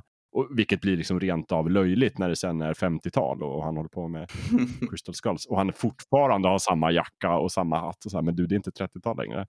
Det är väl därför det känns så mycket I'm, I'm told for this shit-stämning ja. i Crystal Skull. Och det, det, syns ju nästan i hans skådespeleri också att uh, han, är, han är inte riktigt helt där. Men jag tror, uh, jag tror det är därför många, uh, alltså det tog ju mig flera, flera år och jag vet inte hur många gånger jag hade sett Temple of Doom innan någon berättade för mig att det är en prequel.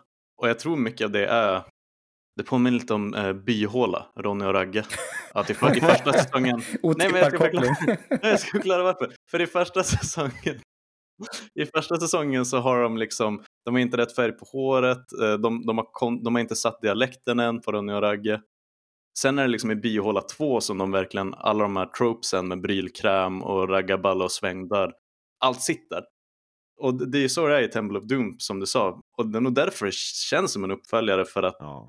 de har kristalliserat vad det är Indiana Jones. Men sen ja. utspelar det sig innan. Det, det, så är det verkligen. Men det är det inte i början på den här filmen där han eh, Indy pratar om att eh, äventyren, eh, en arkeologs liv är inte äventyr. Det är mest att liksom, läsa böcker och, och tillbringa tid på, på eh, sådär dammiga hyllor. Och, eh, jag det är väl i början på den filmen han säger det. I början på Raiders, ja. ja. ja precis. Och sen bevisar han motsatsen. Ja, men gud, vi kan ju snacka om eh, Raiders i hundra år. Men... Ja, men det är därför jag tänker att vi måste bryta ut här och ta det som ett helt separat avsnitt. Precis. Så vi bara pratar indie. Men vilken start på 80-talet för Spielberg. Ja, onekligen. Men vi ska också säga, kanske är det sista man bör nämna är att George Lucas, hans eh, sen långt tillbaka kompis, att han hade ju tänkt på någon typ av Indiana Jones karaktär redan innan Star Wars liksom. Um, och tänkte att han skulle göra det. Men sen till slut så blev det ju Spielberg efter att Star Wars blev en succé 77. Uh, och så tog de in då Lawrence Kasdan för att hjälpa till med manuset. För att de två hade ju sina idéer om så, oh, den här grejen och den detaljen. Men eh, att i slutändan så blev det en Spielberg som, som fick regissera. Men att det är ett tydligt, eh, tydligt exempel på just det här magiska med Steven Spielberg och George Lucas och eh, John Williams och Lawrence Kasdan och alla de här genierna som, som var samlade på samma ställe. Ja, det var lite av ett dream team. För, för det, det, får man ju säga om Lucas, han hade ju fantastiskt kreativa och eh, nyskapande idéer för manus och berättelser. Eh, sen kanske inte han hade, hade alla hästar hemma när det gäller dialog och eh, allmän struktur. Och där kom ju Kastan och kompani in och, och även Spielberg och, och eh, hjälpte till. Eh, så helheten blev fantastisk. Men hade, hade Lucas själv fått styra med allting tror jag inte det hade blivit lika legendariskt. Nej, det tror jag inte. Ja. Visste det? Jag löste det nu. Att det var ju snack om att Spielberg skulle regissera Jedins återkomst. Jo. Jo, men det har jag läst. Det, det var väl snack om att typ Coppola och massa olika personer skulle, skulle göra det. 1982 gör Spielberg en liten film som heter E.T. The Extraterrestrial. Tillbaka i rymden. Mm. Och tillbaka till att göra den mest intäktsbringande filmen någonsin. Så han, jag vet inte om det kom någon film emellan. Jo, det gjorde det väl. Star Wars antar jag. Men då måste den här ha dragit in mer pengar än Star Wars. Så Hajen och sen Lucas då, Star Wars och sen E.T. 1982. En, en väldigt familjevänlig film dessutom. Ja.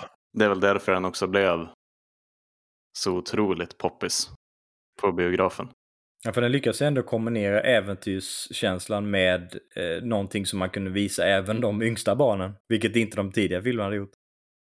Även om jag minns den som väldigt och väldigt spännande, typ läskig när jag var liten och såg den första gången. Jo, jo, men den är ju, den är inte, den är ju lite otäck. Ja. Men på ett sånt där, du vet, alltså, eh, mina föräldrar skulle aldrig låta mig se Alien.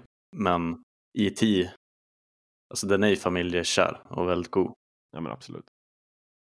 Och det, och det, är väl kanske lite här han hittar, alltså om, om man tänker att en sida av Spielberg är de här liksom Hajen-filmerna med liksom ganska mycket liksom för en vuxen publik med ganska mycket gore. Så, så är det här hans andra sida, nämligen den här familjevänliga Spielberg. Som, som både föräldrar och barn kan gå på bio och titta på och njuta av. Och, och den, den är ju Gud, den var ju ganska unik på det sättet att visst, det var en utomjording inblandad och det var sci-fi. Men här var ju, där var ju utomjordingen en huvudkaraktär som fick, fick utvecklas och, och umgås med de de mänskliga karaktärerna på ett sätt som sci-fi-filmer med utomjordingar inte gjorde. Man, man, fick, ju, man fick ju lära känna E.T. Eh, som en central figur, inte bara den där utomjordingen som eh, folk är rädda för. Även om de, eh, de, det var ju människor som var rädda för E.T. också, men eh, bar, barnen och familjen som står i centrum, de, de, det var ju liksom, E.T. var ändå en, en del av familjen där ju. Alltså jag tror om det var någonting barn blev rädda för när man såg E.T. Jag tror det var många som, hos många föddes en misstro mot eh, män i kostym och solbriller som jobbar för the government. Som låter E.T. bli helt nedfrusen och blek. Nej, men precis, man ska inte lita på FBI. Nej, precis. Och det, och det blev ju nästan i sig en, en trope sen efter E.T. Liksom. Det var ju samma sak i Alf sen, några år senare. Mm. Tv-serien Alf, så var det också regeringen. Och jag vet att det kom någon film några år efter som var väldigt mycket typ en, en kopia av E.T. som hette typ Min vän Mac eller något sånt där. Ja, just det. Där det också, som jag länge hade liksom inspelad och trodde att det var E.T. för att jag minns inte. Men det var så likt. Och sen så när jag var kanske åtta så fattade jag, nej men vadå, det här är en annan film. Mm. Men det var väldigt, eh, väldigt lik. Mm. Fast det ser väldigt mycket mer creepy ut. Ja, det gör den. Men den slutar ju med att de blir medborgare i USA. Men IT slutar med på ett annat sätt. Det gör den. Mm.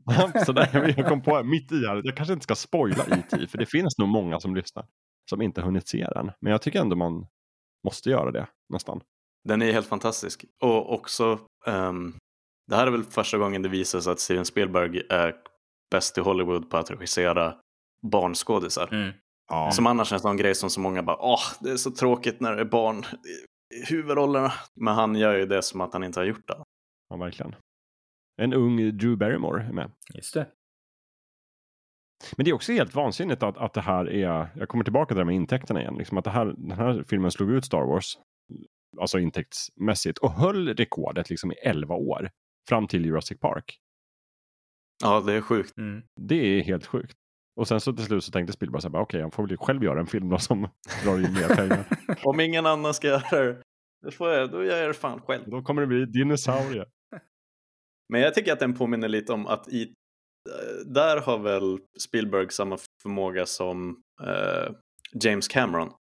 Att det är ändå inte helt tippat att eh, typ Titanic ska bli världens mest inkomstbringande film och vinna 11 Oscars. Och, Nej, Nej.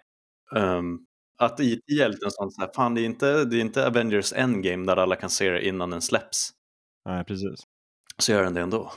Det, men det är också så här, jag tycker att för, för E.T. var ju, det var ju, bygger ju ganska mycket på ett manus som är till en film som de aldrig gjorde, som heter Night Skies. Som var någon sorts eh, skräckfilm, rymdskräckis. Som han skrev efter Närkontakt tredje graden.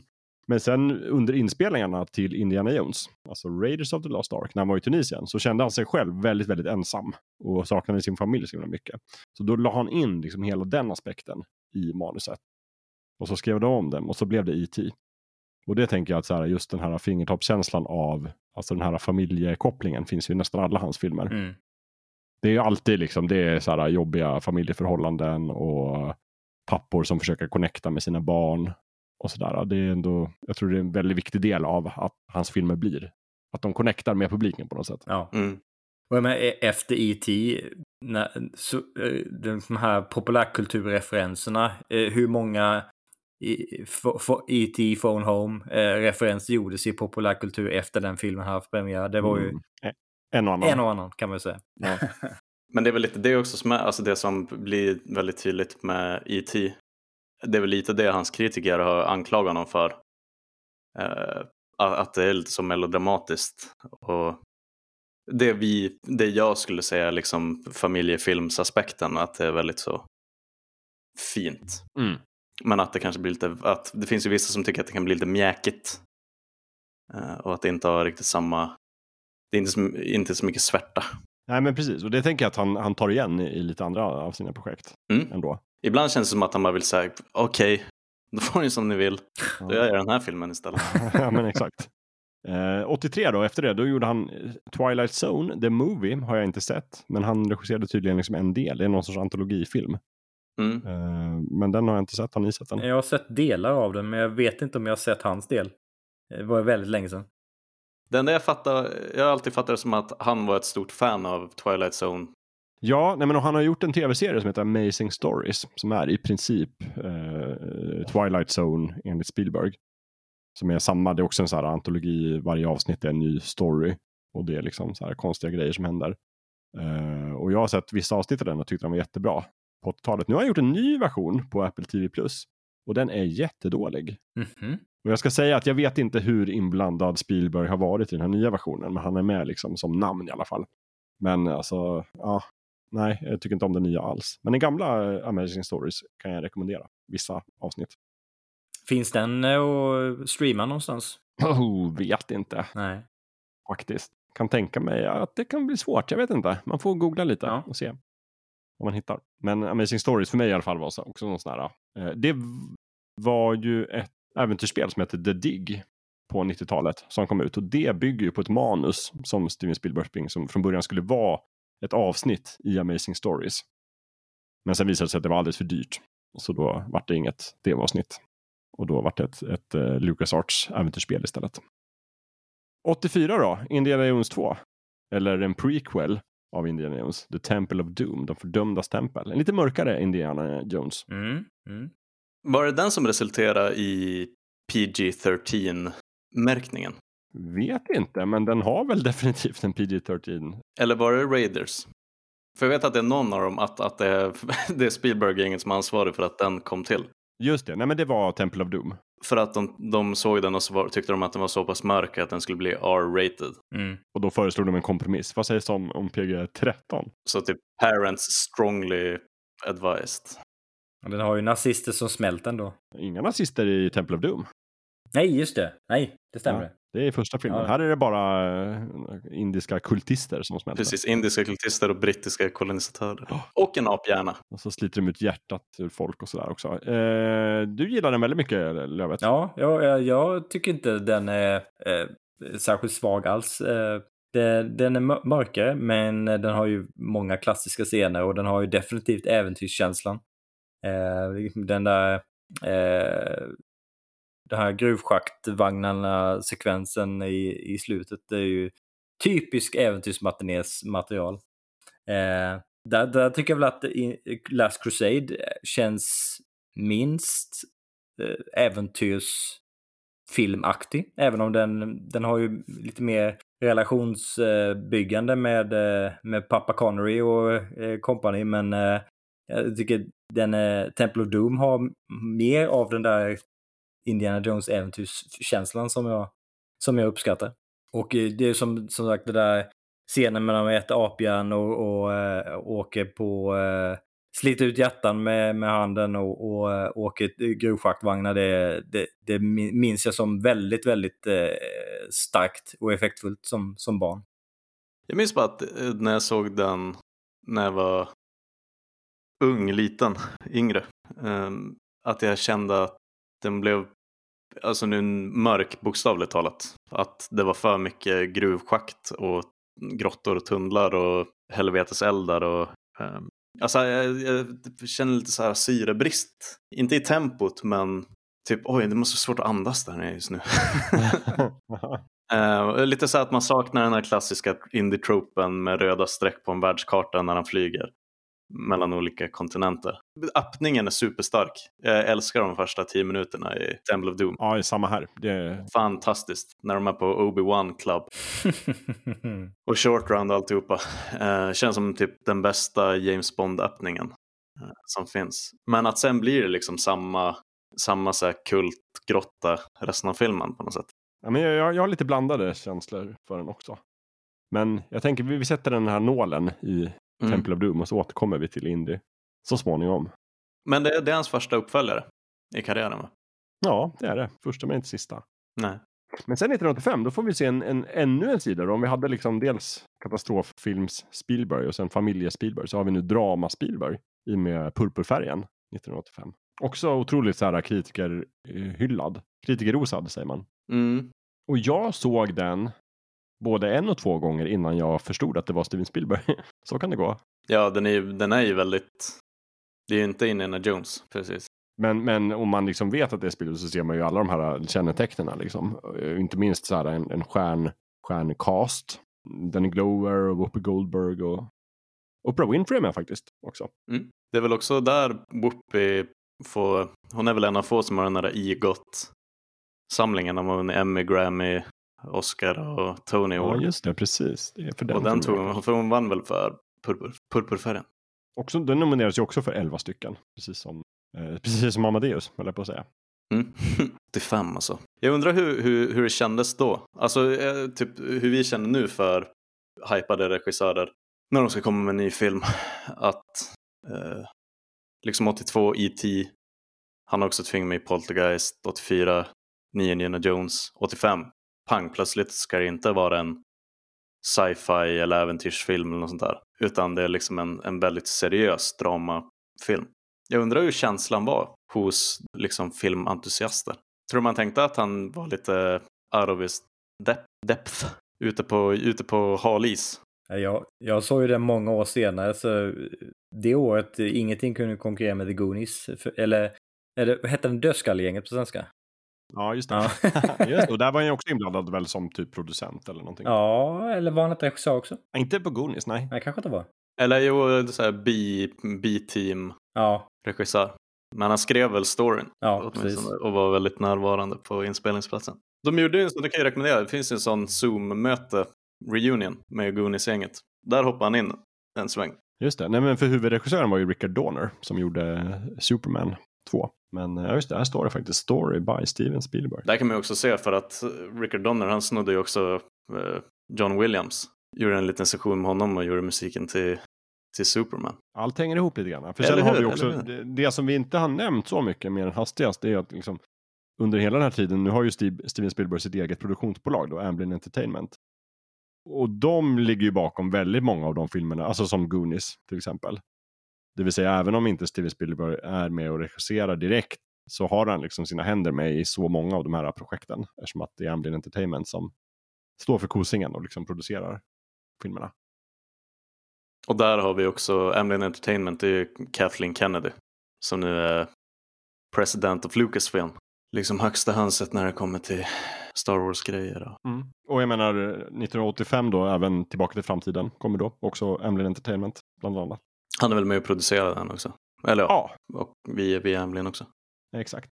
Mm. Och även, jag skulle vilja säga att Robert Zemeckis är väl också en av hans liksom, lite så här protegéer. Tjenis tjenis. Mm. Så att, eh, nu är han någon, någon form av så här stor mogul i, i New Hollywood. Verkligen. Tala om lite så när, när Clinton, Clinton-klanen blev liksom de facto demokratiska. Att bara säga pam, plötsligt är Spielberg hans kompisar.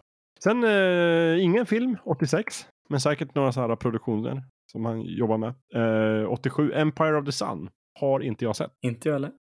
Jag har sett delar av den. Vad, säg något om den då. Eh, Chris, ung Christian Bale. Jaha, Eh, hans första roll typ. Ish. just det. För 88 var han med i Mio min Mio. Det har vi pratat om tidigare. Det är året efter alltså. För Christian Bale måste jag kolla upp här. Bappa, Han är född 74. Eh, så han är, vad är han då, 13 bast. Mm.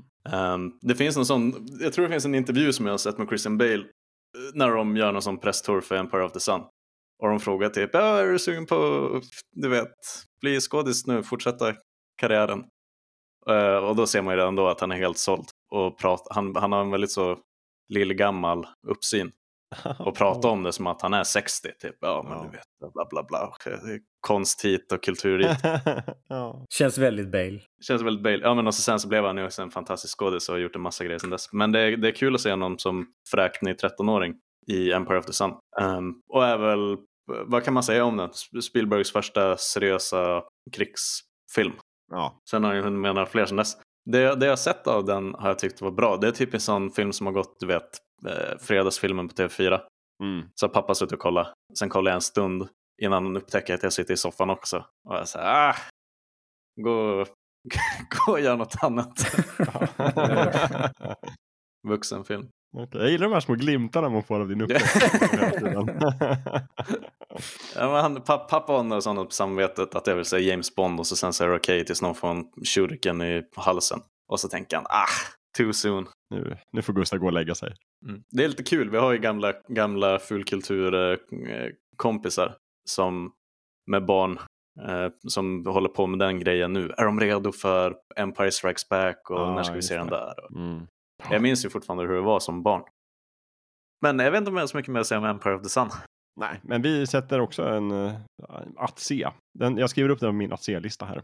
Eh, och det gör jag också med filmen Always Samma här. Som kom 1989. Det är någon form av, eh, har du sett den Lövet? Nej, nej. Någon form av romantiskt drama. En remake av en uh, romantisk drama från 1943. Faktiskt. Med ja, också inga dåliga skådisar. Richard Dreyfuss, Holly Hunter, John Goodman, Audrey Hepburn i hennes sista filmroll. Det är inte så pjåkigt du. Nej, det är inte så pjåkigt. Det är ju skäl nog att se den, skulle jag säga. Älskar Audrey Hepburn. Alltså gud, varför har man inte sett den här filmen? Självklart John, John, John Williams gör musiken. Men det är så otippat att han ska göra en romantisk komedidrama-film. Ja. Jag sitter och kollar på postern till den nu. Det ser verkligen ut som en sån Det ser, det ser ut som en... Det ser ut som en sån pocketbok man kan köpa på, på macken.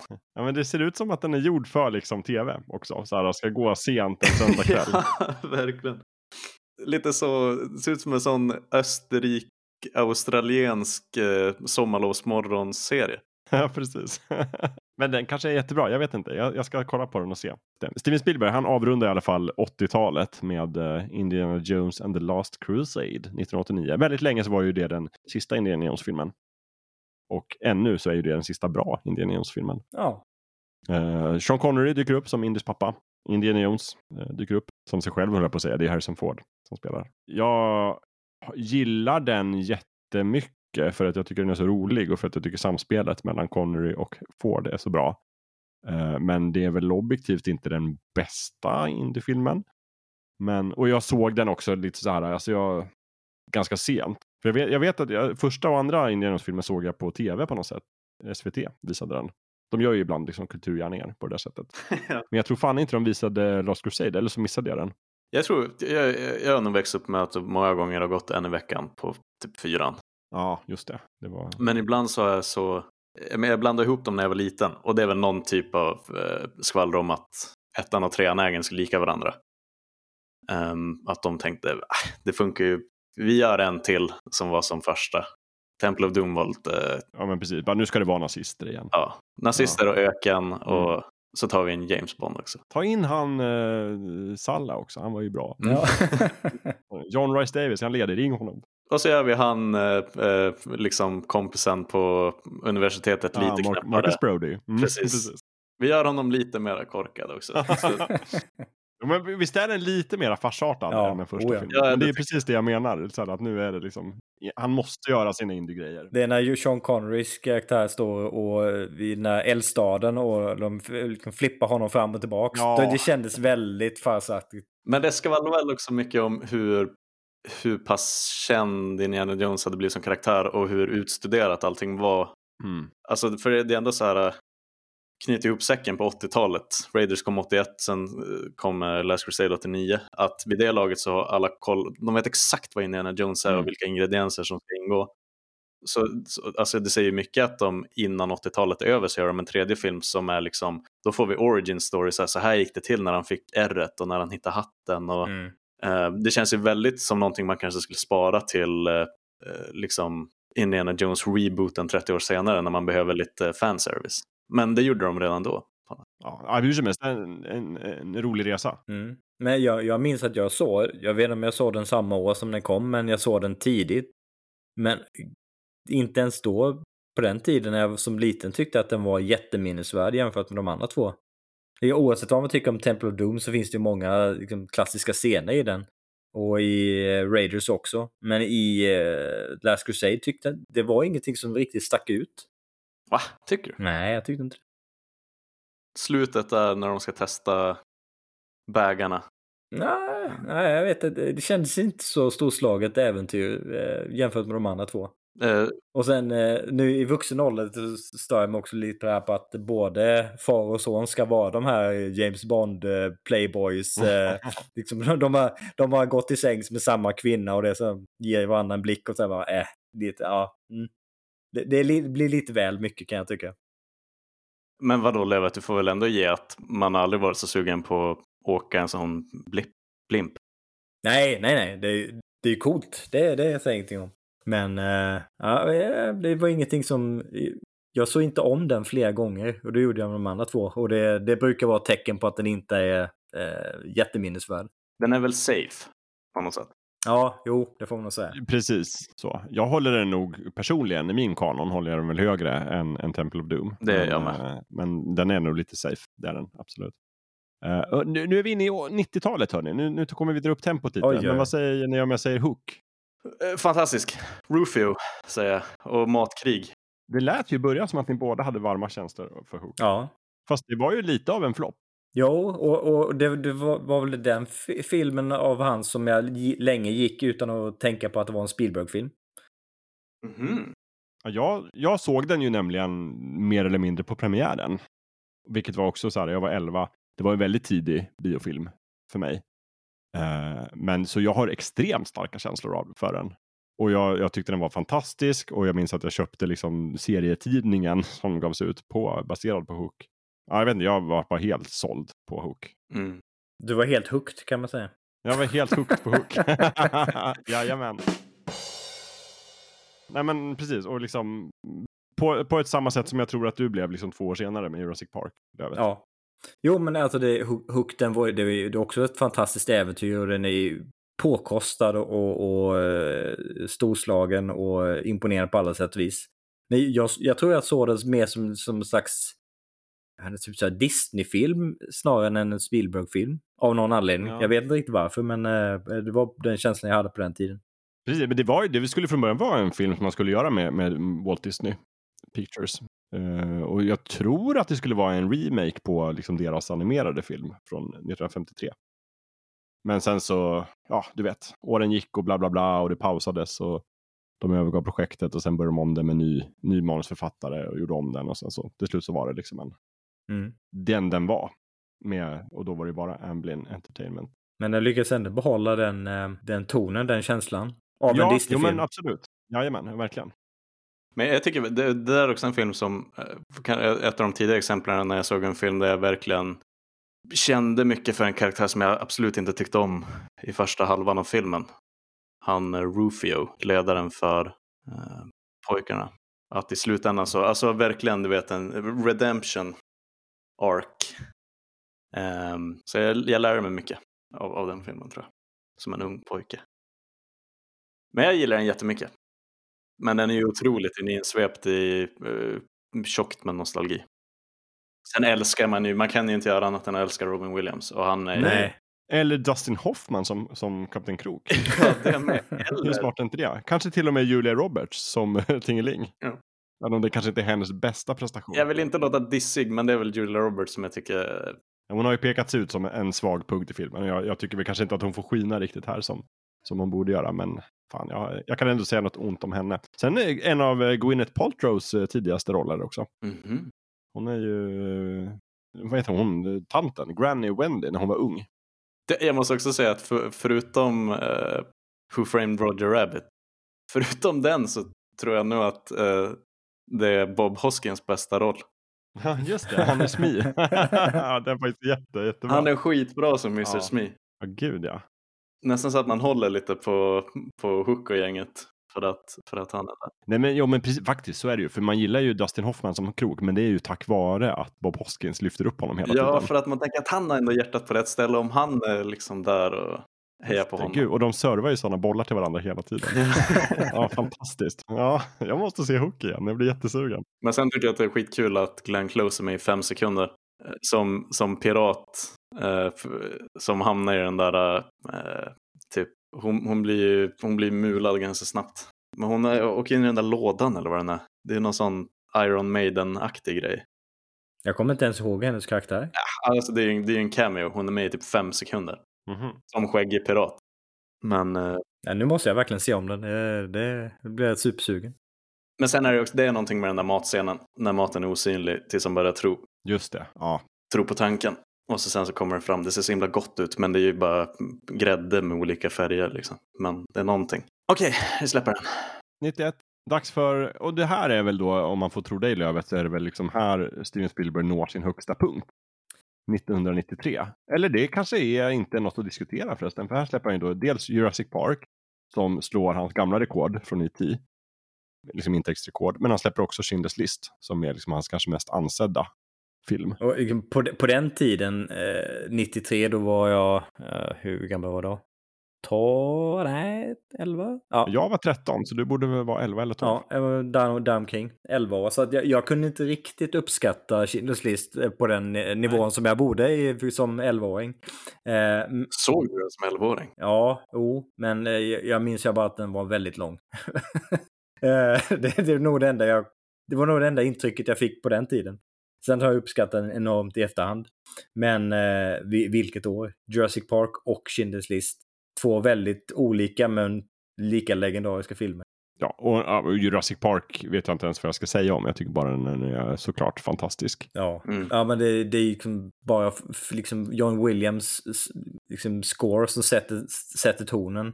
Och, och eh, liksom man sakta vaggas in i och, och få- får se de här dinosaurierna för första gången och den lekfulla introduktionen till hur de, hur de utvecklar eh, eh de här eh, utvecklar DNA till dinosaurierna genom eh, eh ta, ta DNA från eh, insekter i bärnstenar och kombinera det med grod-DNA för att få kompletta strängar. Och liksom, de, de lyckas presentera den sortens vetenskaplig liksom, grundstomme på ett lekfullt och intressant sätt som till och med ett litet barn kan uppskatta och, och, och förstå och, och ha temposättning som gör att det blir aldrig, det blir aldrig trist. Även när de bara har sån exposition-scener där de förklarar bakgrunden till saker och ting. Eh, och och som, som liten, flera år innan dess, var jag helt besatt av dinosaurier. Så när det kommer en sån eh, storfilm som gör det så bra med ett favoritämne, det liksom, ja, det, det fanns ju hypen och eh, eh superlativen hade ju ingen gräns eh, när jag såg den på bio första gången. För övrigt, eh, eh, pappa tog med mig och lillebrorsan som var alldeles för ung för att se den på bio egentligen. Och han hade mardrömmar om de där Velociraptors i veckor efteråt kan jag säga. Skulle han behövt Gustavs pappa som gick in och bara, Exakt. ja, och liksom köpte leksakerna och ja, det var, det var några år där det var Jurassic Park var det största som fanns i uh, den fullkulturella uh, världshim himlavalvet. Men det är också sån premiss, alltså, även, fast nu är det du vet uh, Christian Bok va? Vad, vad heter han? Michael Christian ja. Ja, precis. Men det är ju sån otrolig premiss och som lämpar sig så himla bra för, jag är skitglad att den kom ut 93 också.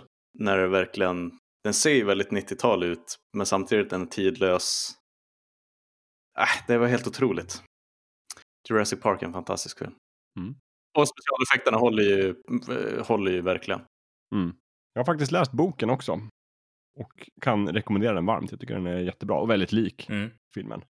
Ja, den läser jag många, många, många år senare, men eh, ja, den är väldigt bra. Men det, det som fascinerar också med, med, som jag var inne på tidigare, är att eh, de lyckas använda, nu, nu, kan man ju se vad de använt datorgrafik. Eh, det, det, är ju tydligare nu än, än det var då, men det är ändå, de, de lyckas använda på ett sätt som, det får inte filmen att se dålig ut. Som många andra filmer som, som släpptes flera år senare. Det var ju filmer som släpptes på 2000-talet som ser sämre ut. Eh, så, och, och så använder de eh, mekaniska dinosaurier i, när det ska vara närbilder och eh, övergångarna sköter de ju sjukt snyggt alltså. Men att det, alltså det pratas ju alltid mycket om att de använder alla knep de kan hitta på. De gör det på natten när det regnar för att det blir bättre med den typen av ljussättning mm. för att få det att se trovärdigt ut. Etc, etc.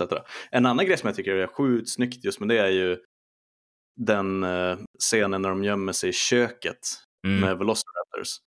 De gör det så snyggt och det blir så trovärdigt för att alla känner till hur otroligt högt det låter när en kastrull åker i backen. Mm. Um, och att uh, det blir så trovärdigt för då bonkar de runt där inne och det skramlar med kastruller. De leker så mycket med ljud och man tänker att det är lite oväntat att eh, ljudbilden ska göra datoranimerade karaktärer mer trovärdiga. Men det blir de verkligen. För att de har sån inverkan på eh, omgivningen runt om sig. Det känns inte som att de bara är isolerade polygoner som inte har någonting med, med den riktiga världen att göra. Mm. Så supersnyggt gjort. De, de var ju verkligen medvetna om sina begränsningar när de gjorde den.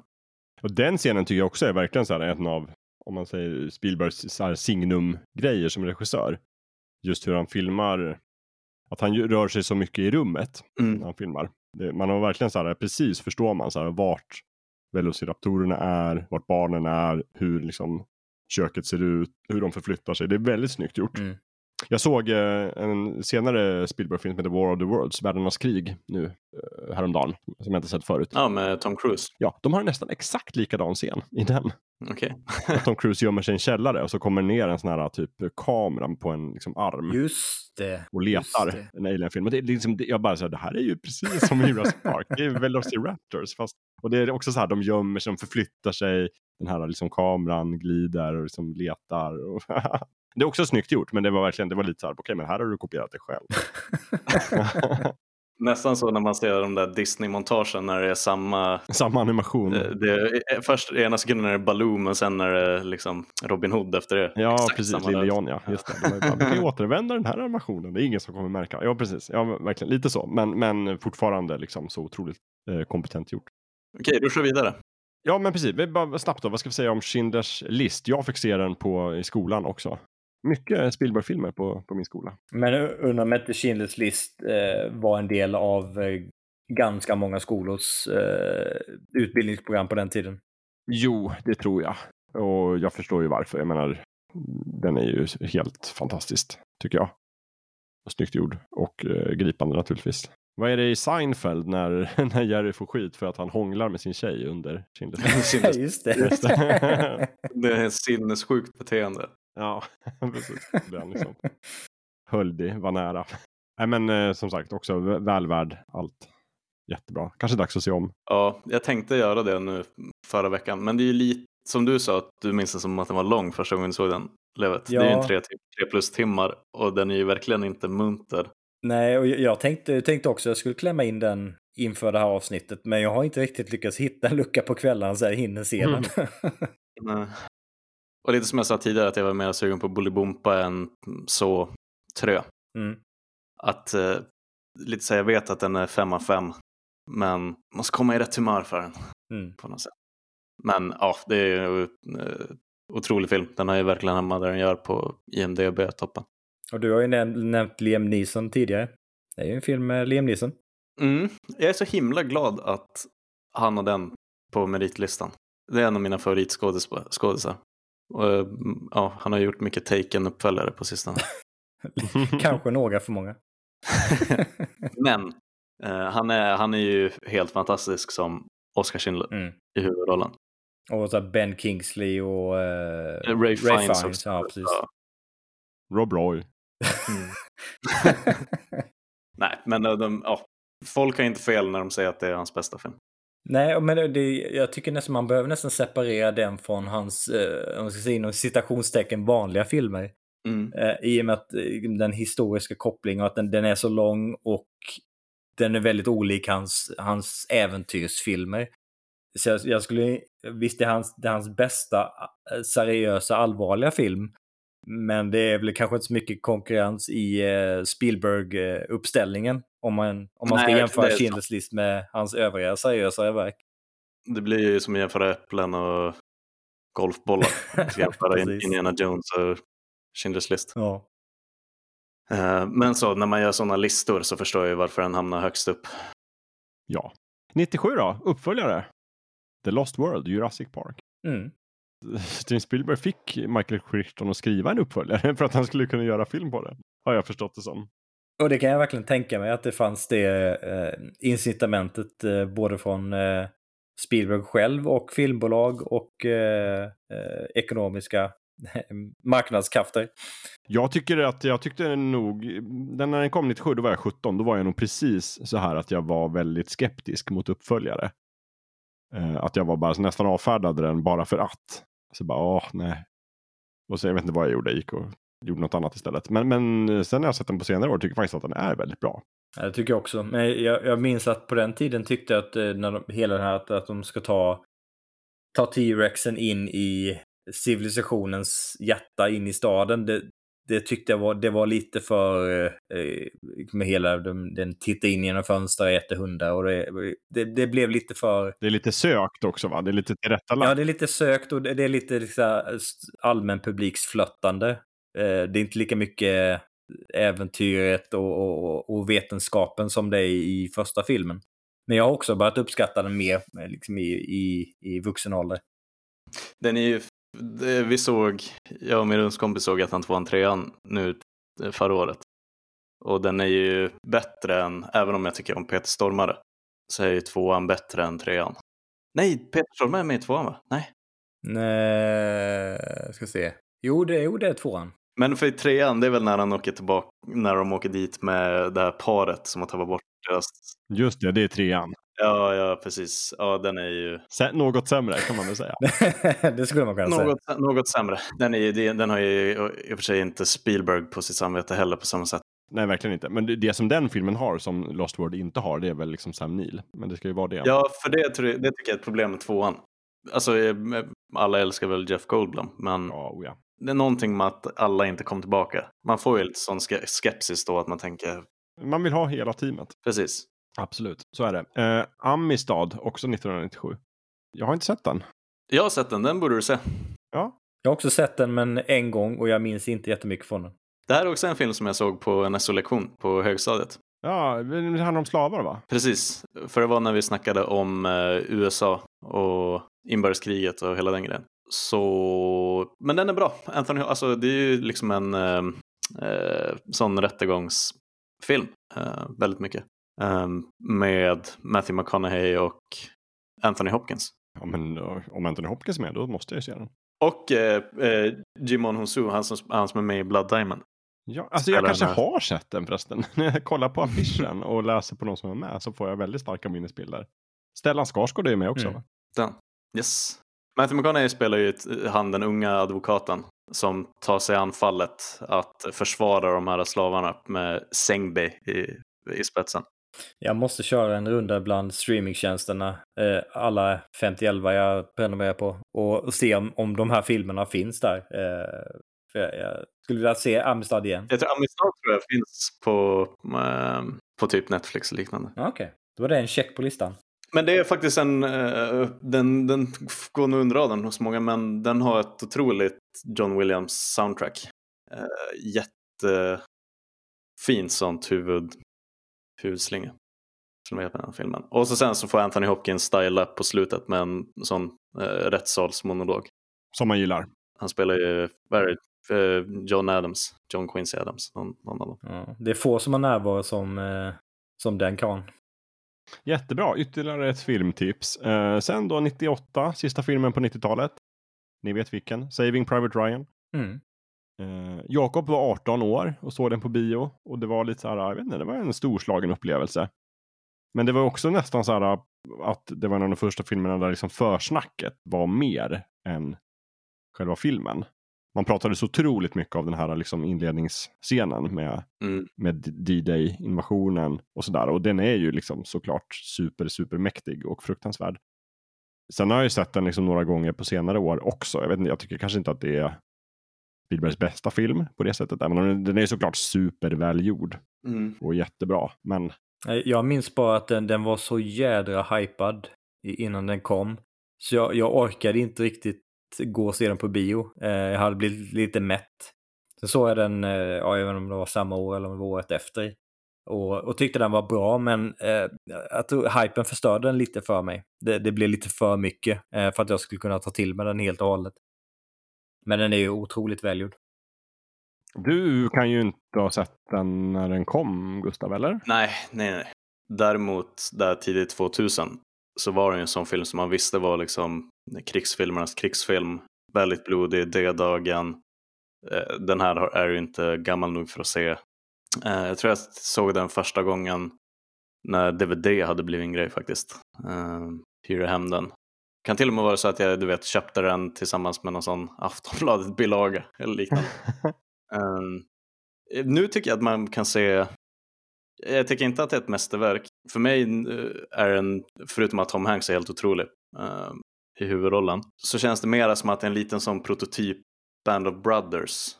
Ja, men precis. Jag tror också det, att den överskuggas ganska mycket av den. För de fick ju verkligen mer smak av, liksom, av att skildra kriget i Europa och så gjorde de Band of Brothers tillsammans. Det är ju sant. Mm, de, de testade att göra en liksom, verkligen påkostad produktion av andra världskriget. Tom Hanks och Steven Spielberg fick till det för mer. Sen gjorde de eh, Band of Brothers som är den bästa miniserien som någonsin har gjorts. Liksom. Och att där satte de verkligen alltihopa. Lite så känns den. Um, och jag kan också tycka att den är lite, jag vet inte varför, men det är någonting med att den är lite blek. Det är lite för mycket bara så att kom ihåg att krig är förjävligt. Som gör att jag inte blir så sugen på att se den. Band of Brothers har jag ju sett om hur många gånger som helst. Mm. Men Saving Private Ryan, det är inte så liksom, oh jag är sugen på en krigsfilm, så koll på Saving Private Ryan. Nej, och den har ju inte den känslomässiga effekten som eh, Schindler's list har. Den, den, är, den är ju mer blockbusterfilm, även om det, det handlar om, om kriget. Men det, den känns ju mer som en blockbusterfilm än Schindler's list. Mm, och det är en väldigt enkel story, Rädda Manning Ryan också. Det är ju bara få hem Matt Damon i, in one piece. Kul med Vin Diesel i alla fall, tycker jag. ja, det, är så otroligt många också som är med i, i uh, Saving Private Ryan.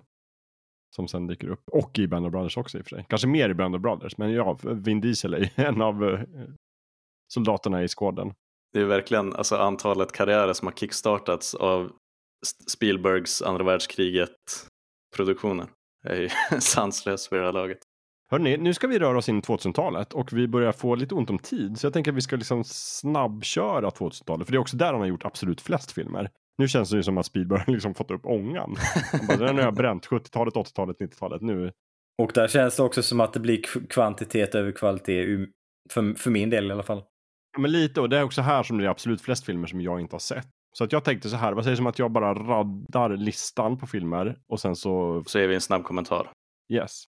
Eh, AI 2001. Det, ja, jag, jag minns att jag såg den en gång och tyckte att den här var mysig och sen har jag inte sett den igen och inte ägnat den en tanke sen dess heller. Och det, det, den är inte dålig, men det lämnade ingen liksom, eftertanke heller. Men hur är det? Skulle göras av Stanley Kub- Kubrick? Mm. Precis, och, och, och liksom halva manuset är ju hans också lite grann. Ja. Men så lämnades över? Ja, och sen när han dog så tog de frågade väl om Spielberg kunde ta den och han bara okej, jag tar den. Mm. Jag tycker det märks himla väl vad som är Stanley Kubrick och vad som är Spielberg i filmen. Så den känns lite splittrad så. Det är lite 2001 och så sen så blir det Spielberg. Ja, men lite sådär. Ja, precis. Ja, men det, det märks ju mot slutet så har den ju en annan ton och känsla än den har i början. Minority Report 2002. Den gillar jag. Mm. Jag med. Hans första med Tom Cruise va? Ja. Och det, det, den har kanske inte den där Spielberg-känslan, men det är ju en, det är ju en bra eh, framtidsdystopi sci-fi-film. Mm, jag tycker att den har lite mera, ah, nu kommer jag inte på vem jag tänker på, men det känns som en annan regissör än Spielberg. Mm, jag håller med. Det, det här är typ den första filmen där jag verkligen eh, minns att jag tänkte, jaha, det är Spielberg som har gjort den. Och då klickar det ju lite. Jag tycker att nästan alla filmer som bygger på någonting som Philip K. Dick har skrivit tycker jag lite grann att det tar ofta överhanden. Ja, precis. Det blir lite iRobot över. Mm. Precis vad jag skulle säga. Där då fick vi in den filmen i, i till. Okej, Catch Me If You Can 2002. Tom Hanks är med. Den gillar jag också. Ja, men det är samma sak där. Det, det, är, inga, det är inte direkt någon Spielberg-känsla, men det är, det är en bra film. Men jag tycker att där, jag tycker att de byter lite ton för att jag tycker att vet man att eh, Catch Me If You Can är Spielberg då känner man också att The Terminal är väldigt mycket Spielberg som är nästa film du kommer nämna. The Terminal 2004, också Tom Hanks. Två filmer jag blandar ihop eh, när jag tänker på dem. Eh, ganska ofta. Terminal Tom Hanks igen. Ja, just det. Och Catch Me If You Can är första, första enda menar jag. Men att eh, det är Leonardo DiCaprio. och Tom Hanks. Det är mycket Tom Hanks Spielberg där början på 2000. Han hittade ju honom där i Saving Private Ryan och säger bara om BFFs Forever. Yep. Eh, och sen då, War of the Worlds 2005. Tom Cruise igen. Tom Cruise igen, ja precis. Stor besvikelse för min del. Jag såg den här om dagen som sagt och tyckte inte att det är den bästa Spielberg-filmen. Tyckte nog inte ens att den var särskilt bra. Men samtidigt så ser man ju verkligen så här uh, vad Spielberg är bra på. Alltså fan, den håller ju liksom. Och den är kompetent filmad. Och han etablerar ju, även om det bara handlar om så här uh, stora robotar, eh, från aliens-robotar som skjuter människor. Så lyckas han ändå få in den här, uh, precis som i Hajen och precis som i alla filmer, den här familjevinkeln. Mm. Fast, Som jag tycker är så effektivt, som gör att man överhuvudtaget bryr sig. men jag tycker inte att eh, liksom, temposättning och filmens struktur fungerar särskilt bra i den. Nej, jag tyckte inte heller det. Och den slutar väldigt plötsligt också. Ja, verkligen. Det är ungefär som att, åh, nej, nu måste vi knyta ihop den här säcken, eh, så, så här slutar det. Okej, hej då. Det var tydligen eh, först snack om att J.J. Abrams skulle re- regissera. Men han var upptagen. Eh, Munich 2005 Mm. Också väldigt bra. har inte jag sett. Den, eh, den borde du se. Den, den känns inte, den är inte heller en sån klockren Spielberg. Nej, hade, hade någon sagt att det är någon annan regissör, då hade jag inte blivit förvånad faktiskt. Mm, precis, den, är, den har en väldigt seriös ton. Och lite mer så, eh, känns som att den går lite i CP på något sätt. Ehm, men väldigt bra. Det är ju bara bra skådisar. Mm. Eric Bana är jättebra i huvudrollen. Jag tycker att Daniel Craig är skitbra. Karen Hines. Ah, ja, det är de, okej. Det är också en sån här film jag bara sett en gång, men jag minns den som väldigt välskådespelad och eh, också verklighetsbaserad. Ehm, eh, men eh, fantastisk temposättning, eh, bra skådespelare, men inte, inte den där typiska känslan som en Spielberg-film har. Så jag hade lätt kunnat missta den för en annan regissör. Indiana Jones and the Kingdom of the Crystal Skull 2008. Det har vi pratat ganska mycket om. Eh, ja. Även känd som filmen där jag tänkte att nu har han tappat det fullständigt. ja, men kan man säga det? Sämsta Spielberg-filmen kanske? Ja, faktiskt. Ut, nu har vi inte sett 1941 men eh, Nej, just det, precis. Men eh, med risk för att den är sämre. 2011, Tintin. Eller The Adventures of Tintin. Även känns som filmen att nej, han kanske inte har tappat det helt ändå. För den är, den är ju verkligen en sån här skön äventyrsrulle. Ja, men jag tyckte om den. Jag tyckte kanske att den blev lite mycket Indiana Jones ibland. Ja, jo. För det, vi också så här, det går ju lite i cirklar som att Indiana Jones i sig, en av inspirationerna var ju Tintin. Eh, och nu gör Steven Spielberg-film på Tintin och då blir lite Tintin Indiana Jones på något sätt. Det blir lite Inception. Ja. Minns hur sanslöst hypat det var att Steven Spielberg och Peter Jackson skulle göra film ihop? Mm. Alltså den var, ju, den var ju uppenbart animerad och skulle inte försöka lura ögat som Avatar. Men att det var sånt. Vi ska göra sån jävla högbudget Tintin. Och det är Sagan om ringen och Steven Spielberg, alltihopa. Jag, jag tror faktiskt, jag, jag är lite lur på att om ni hade sett om den nu i helgen så hade den eventuellt klättrat lite högre upp och kanske snott liksom att det är hans bästa film um, sen, ja vad man nu får välja, Saving Private Ryan kanske. Mm. Att det, eh, jag tycker verkligen att Tintin är något av en höj, höjdpunkt på 2000-talet för Spielberg. Den är, den är bättre än vad ni minns den, tror jag. Jag minns det som väldigt, att den var väldigt snygg och välgjord när den kom. Och eh, jag gillar den jättemycket. Och det, jag, det var därför jag tänkte att ja, han kanske inte tappat det helt och hållet. Sen har han inte riktigt släppt någonting jätteintressant efter det. Eh, med undantag för en film som kom till sen. Men, eh, men, men den visar ju att han, han, kan, han har ju fortfarande, eller då hade han fortfarande känslan för äventyrsfilm med Tintin. Yes. Uh, War Horse 2011. Har inte sett. Inte sett. Inte sett, jag har sett delar av den bara. Okej. Okay. Ja, vi en till då som ingen av oss har sett. Men inte sån hästkille. Men då, jag kan ta på mig och se den då. Så. Okay. uh, Lincoln 2012. Mm, bra. Lite för lång. Mm. Men bra. Okej, okay. jag har inte sett. Uh, Daniel Day-Lewis uh, kan ju inte göra fel. Vann en Oscar. Okej. Okay. Bridge of Spies 2015. Riktigt bra. Även ännu en Tom Hanks-film. Har jag faktiskt inte sett heller, men om det är Tom Hanks då måste jag se den. Oh, Bridge of Spies, uh, uh, den, är, den är faktiskt riktigt mysig. Den är inte så här storslagen, uh, men otroligt välförtjänt Oscar till Mark Rylance som han sen har jobbat mer med efter det. Men ja, kalla, alltså, du gillar ju kalla kriget, Jakob, det vet jag Ja, gud ja, verkligen. Det är lite knasigt att du inte har sett en, en kalla kriget-film av Spielberg. det är lite knasigt, eller hur? Men jag är så här, folk tror att jag har sett allt, men jag, det är så otroligt många luckor i film, mitt filmtittande. Så det är pinsamt ibland, men jag ska se den. Vill du ha en annan anledning? Ja. Coen-bröderna var med och skrev manuset. Yes, där har vi det. Mm. Där ja. Okay. En, en krigskoppling till, Alan Alda är med. Nej men, sluta. jag ska se den ikväll nu, det går direkt. Uh, The BFG 2016, uh, Stora vänliga jätten va? Big fucking giant. Trodde jag först. Bra bok av Roald Dahl som jag läst. Mm. Uh, The Post 2017. V väldigt, väldigt bra film. Men mm. gud, den har inte jag heller sett. Jag har inte sett mycket av de här 2000-tals uh, repertoaren har inte jag sett. Fast okej, okay, jag ska erkänna, The Post såg jag när jag flög till Los Angeles som en av åtta filmer jag bränna på vägen dit. Uh, den är ju också ganska så, lite lågmäld mm. och betyder nog mer för amerikaner eftersom att det handlar just om så Vietnam uh, och New York Post och liksom. De hemliga, hemliga publikationerna. Precis, precis. Men, men jag menar, uh, det var ju en sån film som skulle komma att det var Steven Spielberg, Meryl Streep och Tom Hanks. Och då kan det ju inte bli skitdåligt.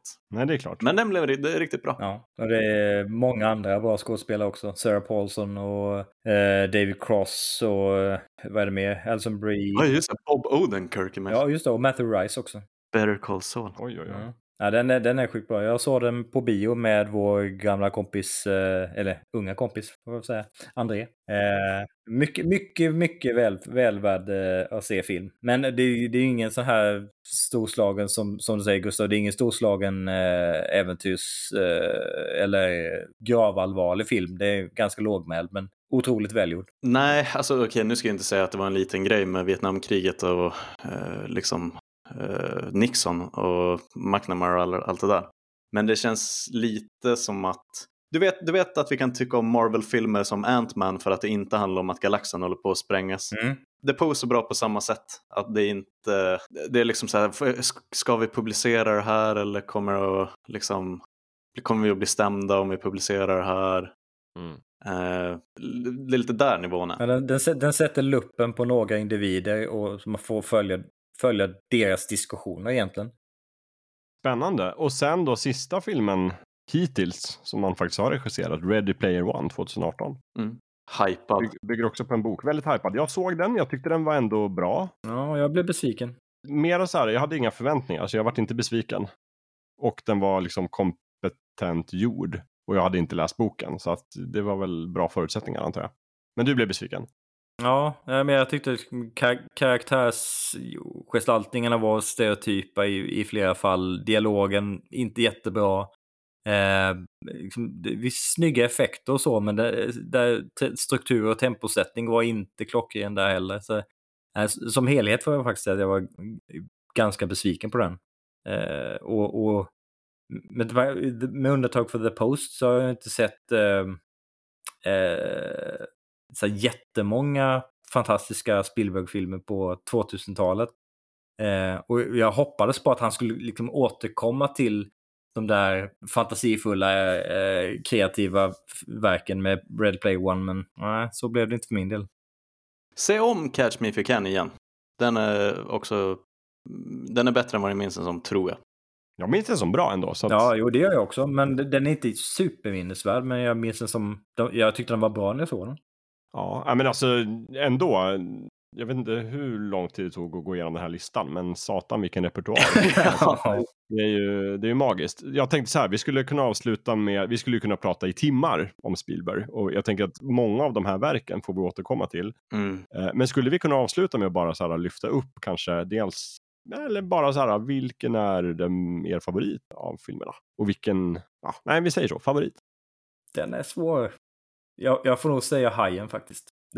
Den, den, har, den har lämnat störst, uh, den har haft störst effekt, påverkan på mig mm. uh, i ett filmliv av, av en diger lista av enorma Jurassic Park, mm, det är ju två ganska olika filmer. Båda har ju haft Ja, ja. ja jag är lite, lite velande där, men jag får nog säga att i och med att Hajen kom först och hade så enorm effekt på mig får jag nog nästan, nästan säga den. Men det är hugget som stucken med Jurassic Park, den är också helt jävla fantastiskt bra. Mm. Jag måste, jag, jag, kanske också får fuska och ta två då, liksom, eftersom att du gjorde det. Men just det här, jag, jag måste ju ta liksom IT e för att den slog så stort när jag var i så unga år. Så här, att den liksom etablerade nästan hela, fil nästan hela filmmediet för mig. Var så här, bara, det här kan en, en fi film vara. Uh, men, men jag får nog också säga kanske Raiders of the Lost Ark som är min ja, favorit. Vad säger du Gustav? Uh, Raiders plus... Hmm. Alltså får jag slänga in Last Crusade också? Som en sån... Alltså det blir nästan att jag säger trilogin. Ja. Men det blir nog de. Men gör det då. Men då säger jag Hook också för att, bara för att den är så mysig. ja, varför inte? Varför inte? Um, ja, lite så känner jag. Men, och, och, då räknar jag ju inte riktigt in Schindler's list för den är ju fantastisk på sitt eget speciella sätt. Det är ju, mm. det, det, är inte den där, om man ska säga en Spielberg-film, då tänker jag på de här eh, äventyrliga matinéäventyren. Ja. Ja. Det är nog det jag gör också. Absolut, men så här, du, vi kan leka den här leken att du får åka till en öde ö och ta med dig en Spielberg-film. Liksom. Vilken tar du med dig? Då tar du kanske inte med dig Schindler's list. Nej, jag tror inte jag gör det faktiskt. Du titta på stranden gång på gång på gång. Kan, kan man den handlingen så och, och man vet den historiska kopplingen så eh, behöver man ju inte se den om och om igen. Men Hajen och Jurassic Park, det skulle jag kunna se till dödagar tror jag. Du glömmer ständigt bort varför hajen är så förbannad. Exakt. Varför vill den äta alla dessa människor? Eh, och vi har egentligen inte pratat så mycket om heller liksom alla andra sidoprojekt som han har varit inblandad i som inte är hans egna filmer. Nej. Och vi har absolut inte pratat om alla filmer som han har funderat på att göra men som inte gjorde. Eh, för det skulle vi kunna fylla ett helt avsnitt om också. ja. Men, men bara liksom för att bara ändå få in lite mer tecknad film så skulle vi väl ändå lyfta upp liksom Amblimation och allt jobb han gjorde med, med Don Bluth. Mm. Alltså resan till Amerika, landet för länge sedan. Eh, att han var med och skapade Dreamworks. Och liksom mycket input på Shrek och liksom kommande filmer på det sättet. Tv-produktioner som Tiny Toon Adventures, eh, Animaniacs.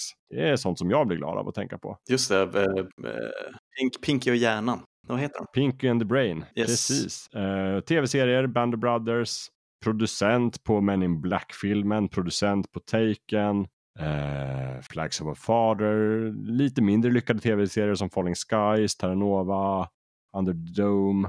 Oj, oj, oj, oj, vad han har gjort. Ja, han har gjort så otroligt mycket. Mm. Och inte minst, han har en liten roll i The Blues Brothers som den här äh, domaren som de måste ge pengarna till i slutet för, för barnhemmet. Det är Steven Spielberg. Och att han är alien i Men in Black. Precis. Mm. Eh, alltså nu måste vi runda av tror jag, för att jag, blir, jag, jag måste gå och titta på Spielberg-filmer. Men jag tänkte så här, eh, det här var liksom en, jag trodde vi skulle hinna liksom öppna dörren helt, men vi har verkligen, det känns som att vi la mest fokus på den tidiga karriären. Men som sagt, vi får göra framtida nedslag i specifika verk av den här mannen också. Och sen så återkommer vi med mer av Spielberg. Och så tänker jag så här, alla som lyssnar, kommentera gärna i våra olika sociala medier. Mm. Vad, vad är de sämsta respektive bästa mm. Spielberg-filmerna? Och sen kan jag också nämna så här på slutet att eh, nu när eh, eh Simpsons finns på Disney+, då kan man gå tillbaka och titta på ett avsnitt som heter A Star Is Burns.